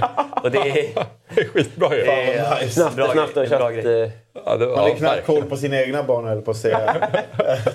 13, 13 syskonbarn. Adam, vi ska försöka hinna med lite Serie A också. Ja. Eh, och, bara eh? En- jävla stor skillnad som jag tyckte på den här listan och Jespers. Det är så här, det är två free transfer. En för 5 miljoner, en för 7,5 miljoner. Mm. Jävla, det bara bevisar hur stor skillnad det egentligen är på ligorna. Liksom så här, för att det var inte en värvning under en halv miljard. Det, det, som- är, ju- det, är ju inga, det är ju inga, förutom Bellingham så finns det ju inga stora värvningar om vi pratar eh, pengapåse i, Jag tycker det är en viktig punkt. i och, eh, La eh, Liga. Ja, det, är, det är bra att du tar upp det, för det är, många, många har problem. Många klubbar mår rätt bra. Jag nämnde ju det, att Villarreal har ju alltså gått en miljard plus den här, eh, den här sommaren. Och ändå tycker jag att de har ett lag som är ja, men, i alla fall likvärdigt. De, de, det är klart att de har tappat spelare. Liksom. Det, de har inte ersatt Pau Torres på ett rimligt sätt än. Men jag tycker att här, gå en miljard plus och ändå vara en klubb som mår bra redan från början. Ja, det, det är också imponerande på något sätt. Eh, Man behöver inte bara spendera eh, de stora pengarna eh, alla gånger. Ja, men det påstår inte jag inte att du säger, men en bra värvning är ju inte en dyr värvning per se. Nej. Man kan ju verkligen göra det bästa av, vad heter- vad heter Kyle? Larry. Larry. Kyle. Ja, ja, ja. Alltså, Vad heter Kyle? Jag kan inte läsa Det är det, han heter Kyle. Vad gör jag här? det är också ett bra namn. Kyle Larry. Det är, ja, jag ska hålla koll på Santi Comesana. Jag gillar hans eh, Mm. namn. Okej, men här har vi då... eh, Vi gör inget nedslag här i något specifikt lag i Serie A, utan vi skickar fram dina värvningar på en och samma gång. Då. Fem intressanta värvningar eh, i eh, Serie A. Ska vi börja prata, ja, vi kan väl, vi kan väl ta det uppifrån då, men eh, Kamada om vi pratar, eh, om vi är inne på samma spår då, som Robin nämner med eh, bra värvningar behöver inte vara dyra värvningar. Eh, att plocka in ja, en av eh, Bundesligas mest framstående centrala mittfältare. En spelare som kan lira både, ja, men både som sexa och åtta om vi ska prata fotbollsspråk då, med, med positioner på planen. Eh, och, och är väldigt bolltrygg poängspelare. Kliva in i ett eh, sarri-lätt eh, Lazio känns ju eh, toppen och han kommer som, som bossman. Eh, jag tycker det är en eh, kanonvärvning. Sen är han väl kanske inte lika bra som Milinkovic Savic och en annan spelartyp men för att komma gratis så tycker jag att det är en på förhand grym värvning. Så här, alltså jag tror många glömmer bort att Lazio faktiskt slutade tvåa förra året. Eftersom Napoli, Napoli vann ligan med flera omgångar. Gjorde de? Ja. Då är frågan så här. Ja, Du menar inte Nap- Nap- Napoli vann? Hallå? Hallå? Men, Är det redan slut? så här kan, kan, de, eh, kan de utmana om eh, en titel Lazio? Ja, inte om Serie A-titeln, det tror jag, det tror jag inte. Eh, Men, ehm, men det, det känns ju rätt jämnt på förhand i, eh, i Serie A. Det känns som att det är fyra, fem lag som skulle kunna vinna. Ingen blir förvånad om Juventus vinner för att det är Juventus. Eh, Milan alltså, bygger om, Napoli, Napoli måste ju hållas... favorit. Om Det de, måste de ju vara. om de behåller Osimhen och Kvaratskhelia så måste de ju vara Ossilinski har ju också förlängt såg jag eller? Har de det? Ja. Ja, Tyckte jag någon det- eh, jätte-Napoli-supporter kastade ut på sin Twitter. Men alltså att de eh, ändå får behålla en ganska stor Ja, det de tappar är ju Kim Min-Jae såklart och sen Spalletti på tränarposten. igen då. Ja, och det är, det är ju såklart uh, tunga tapp. Gabri Veiga på väg in. Uh, Sätta det, det hade varit en, en... Jag vet inte om det är en uppgradering från Zielinski. Han var jävligt bra förra säsongen. Också underskattad spelare. Men, men det, det, var då, det var, City var ju efter Gabri Veiga och Real Madrid också. Men Real Madrid har alldeles för många mittfältare. Tänkte att äh, eh, vi behöver kanske inte en till. Eh, och det hade varit en bra spelare oavsett om det är Zielinski eller Veiga. Så behåller de Osimhen, Kvara och övriga startspelare så tycker jag ändå att de går in som favorit. Det måste Men- vara värvningen, att de lyckas behålla så många spelare. Gud vad På väg att förlänga väl? eh, Osimhen? Ja, men samtidigt som, det, samtidigt som jag inte tycker att eh, konkurrenterna direkt eh, har gjort några supervärvningar. Alltså kolla så här, vadå Milan sp- spelar med Zlatan och Giroud på topp. Det, det är ingen som kan konkurrera med Osimhen och, och, och, och Kvara. Alltså, kolla på Inter, alltså en trött Dzeko. Det är bara Lautaro som är en hyfsat bra forward. Alltså Lukaku är slut, Dzeko är slut. Det, är inga, det här är alltså deras toppkonkurrenter Napoli vi pratar om. Och, och, och, och Vlahovic, han floppar ju i Juventus. Så så här, konkurrensen har inte blivit bättre. Ja, men så här, jag, jag, Milan tycker jag ändå har gjort ett jävligt spännande fönster. Ja. Sen är det ju fortfarande, vi har ju två spelare här som vi, som vi kan nämna, men Mm. alltså, få, få, få, är det 750 miljoner för Tonali? Det, det är bara att springa till banken och hämta ut varenda öre av det. För det Berätta är, lite om Tonali. Tror du att han kommer floppa eller vara bra i Newcastle? jag, jag, är inte säker på att det där kommer Men är han en topp fem, top fem bästa värvningarna i Premier League i år? Ja, det är, jag är tveksam. Det är, oh, ja. Han är, han är, han är dyr alltså. Jag, jag tycker att han inte var bäst, bästa mittfältare i Milan förra säsongen. I rest my case. Benazer, Eh. Benazer gillar jag. Vad sa du? Jag gillar Benazer. Benazer? Jag är svag för Benazer. Ja, det var bara det jag ville Nej, men, så här, jag, jag, jag, jag tycker Tonali är såklart en bra spelare, men att få, att få så mycket pengar för en spelare som kanske inte blev så mycket bättre förra säsongen än säsongen de vann ligan. Då tycker jag att, så här, att, att man får in Pulisic, Chukwueze, eh, Loftus-Cheek och han eh, Reinders för typ samma eh, påse pengar. Mm. Det, är, det är ett bra fönster. På förhand, tycker jag. Ja, precis. Vem ska vara nia då? Antingen Giroud eller Okafor. Nej, det är för svagt. Apropå att Villarreal tappat Pau Torres och eh, Chukwueze. jag, jag såg många skrev när de, när de hade signerat eh, Pulisic och Chukwueze att nu, nu är de väl en utmanare till Champions League-titeln. Vi, vi, vi, vi måste ju dra i alla bromsar som Ja. finns eh, att, att prata på det sättet. Men alltså, de vann ju ligan eh, för två år sedan med ett lag som är inte så mycket bättre än vad de kan ställa upp med på pappret nu. Eh, och framförallt så tycker jag att Pulisic och Chukwueze fyller en funktion till höger som är eh, rätt eh, spännande. Eh, Där har de det, här, svaga det, det, det här liksom robusta centrala mittfältet som de har nu med, med, med, med Benazer då när han är tillbaka, Loftus-Cheek, Reinders, eh, Jonas Musa som de också har värvat in. Mycket, mycket muskler, mycket, eh, ja, men, många kilo på det här mittfältet. Eh, och de har samma backlinje, en av världens bästa målvakter. Eh, kan de liksom bara släppa lös Leao plus en lekkamrat så tycker jag att det, det, det ser rätt spännande ut för Milan. Men, eh, men att de, jag håller med om att nian, Giroud, jag vet inte hur många mål han har i sig. Och Alltså- får är också ett frågetecken. Men Jag jag tycker jäm- att de ser bättre ut än Jag vad, vad de jämför säsongen. bara med det Napoli vi såg. Om de får behålla en ganska stor stomme av sitt lag så håller jag fortfarande Napoli då som favoriter. Sen får man ju se hur det går utan, som- eh, som utan Spalletti, absolut. Men eh, det, jag tycker kanske inte att... Ja, jag vet inte. Kan just det. Där är Det är ju det är, det är en jävligt kul värvning.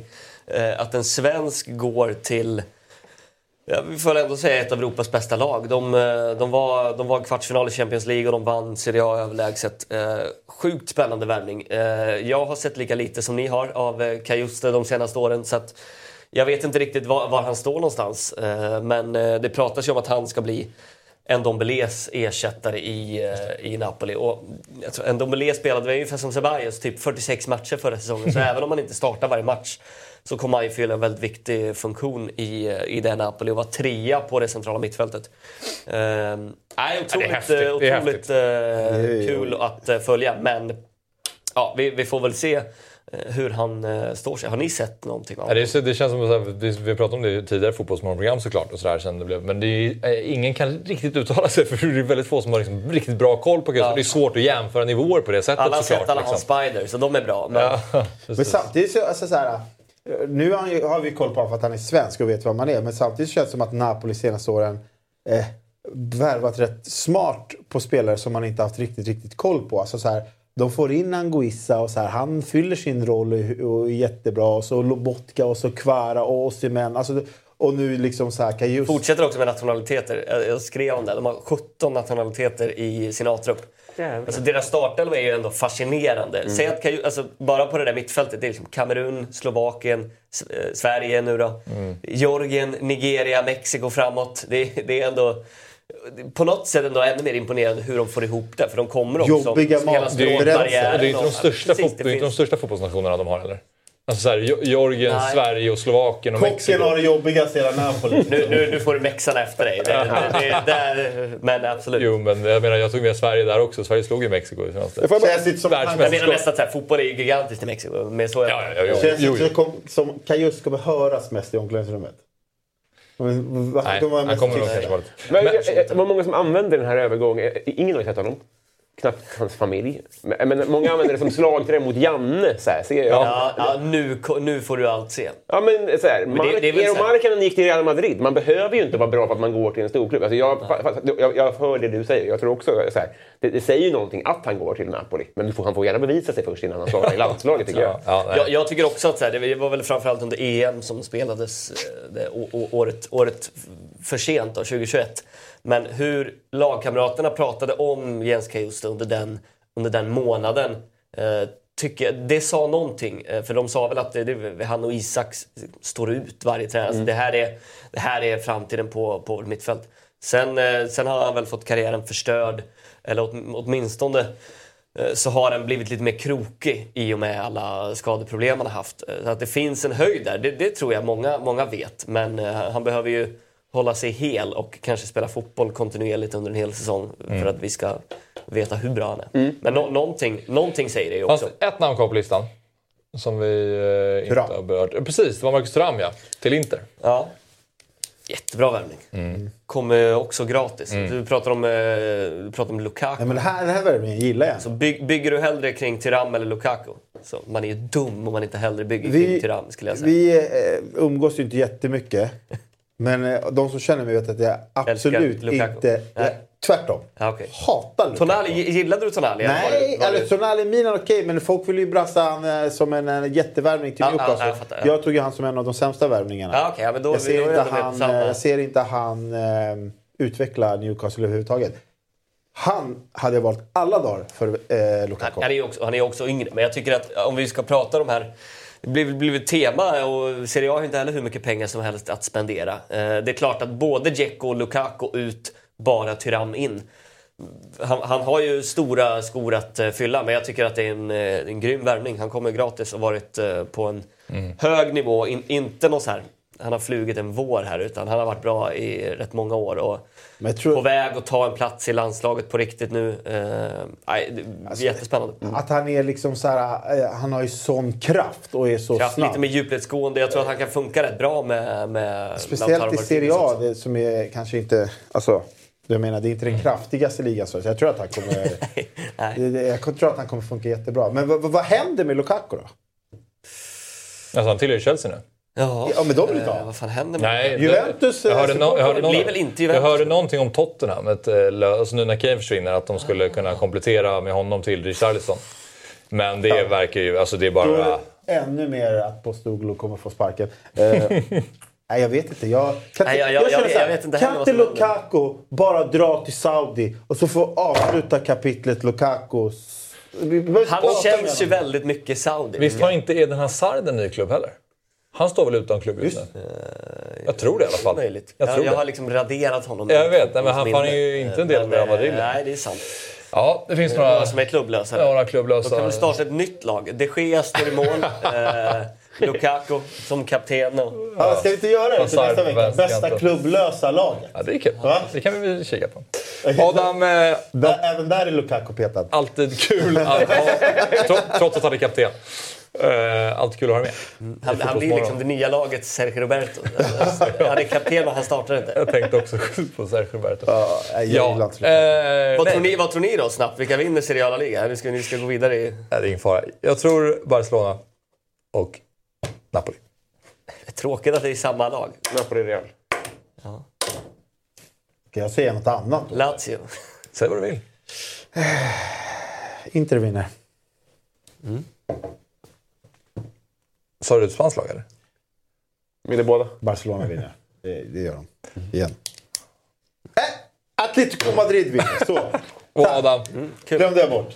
Nej, men jag, jag, jag, säger, jag säger också, jag, jag, jag tror också att Atletico vinner La Liga och Napoli tar andra lag. Oh, Spännande. Eh, ja, som sagt, alltid kul att ha dig med Adam. Och tack för att du berättar för oss hur det ligger till. Premiär ikväll. Liga och Serie A. Eller premiär för mig Ja. ja. det höll jag på att säga. Bra. Men, eh, men eh, jävla match ändå. Athletic Club mot Real. Ja, det kommer, det kommer spraka uppe i, i Bilbao.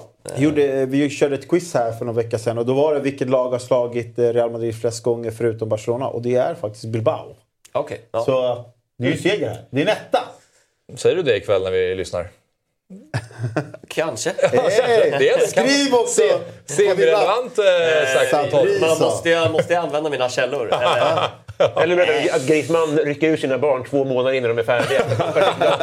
Ja, ja, det kommer jag göra första, första, första gången jag kommenterar Atletico Madrid den här säsongen. Sabri sa att han i ett quiz hade sagt att uh, Atletico var dem. Nej, då får du 10 lax. Nej, men det kul. kul att vara igång igen. Uh, vi stänger ner butiken och vi är tillbaka med Fotbollsmorgon lördag nästa vecka. Tack för att ni har tittat idag. Fotbollsmorgon presenteras i samarbete med Stryktipset. En lördagsklassiker sedan 1934. Carlsberg, alcohol free. What's your game day ritual?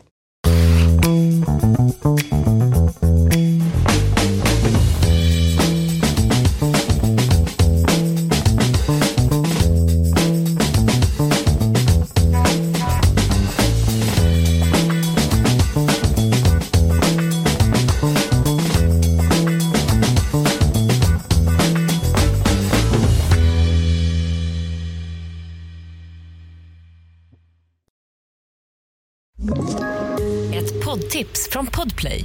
I fallen jag aldrig glömmer djupdyker Hasse Aro i arbetet bakom några av Sveriges mest uppseendeväckande brottsutredningar. Går vi in med hemlig telefonavlyssning och, och då upplever vi att vi får en total förändring av hans beteende. Vad är det som händer nu? Vem är det som läcker? Och så säger han att jag är kriminell, jag har varit kriminell i hela mitt liv men att mörda ett barn, där går min gräns. Nya säsongen av Fallen jag aldrig glömmer på Podplay.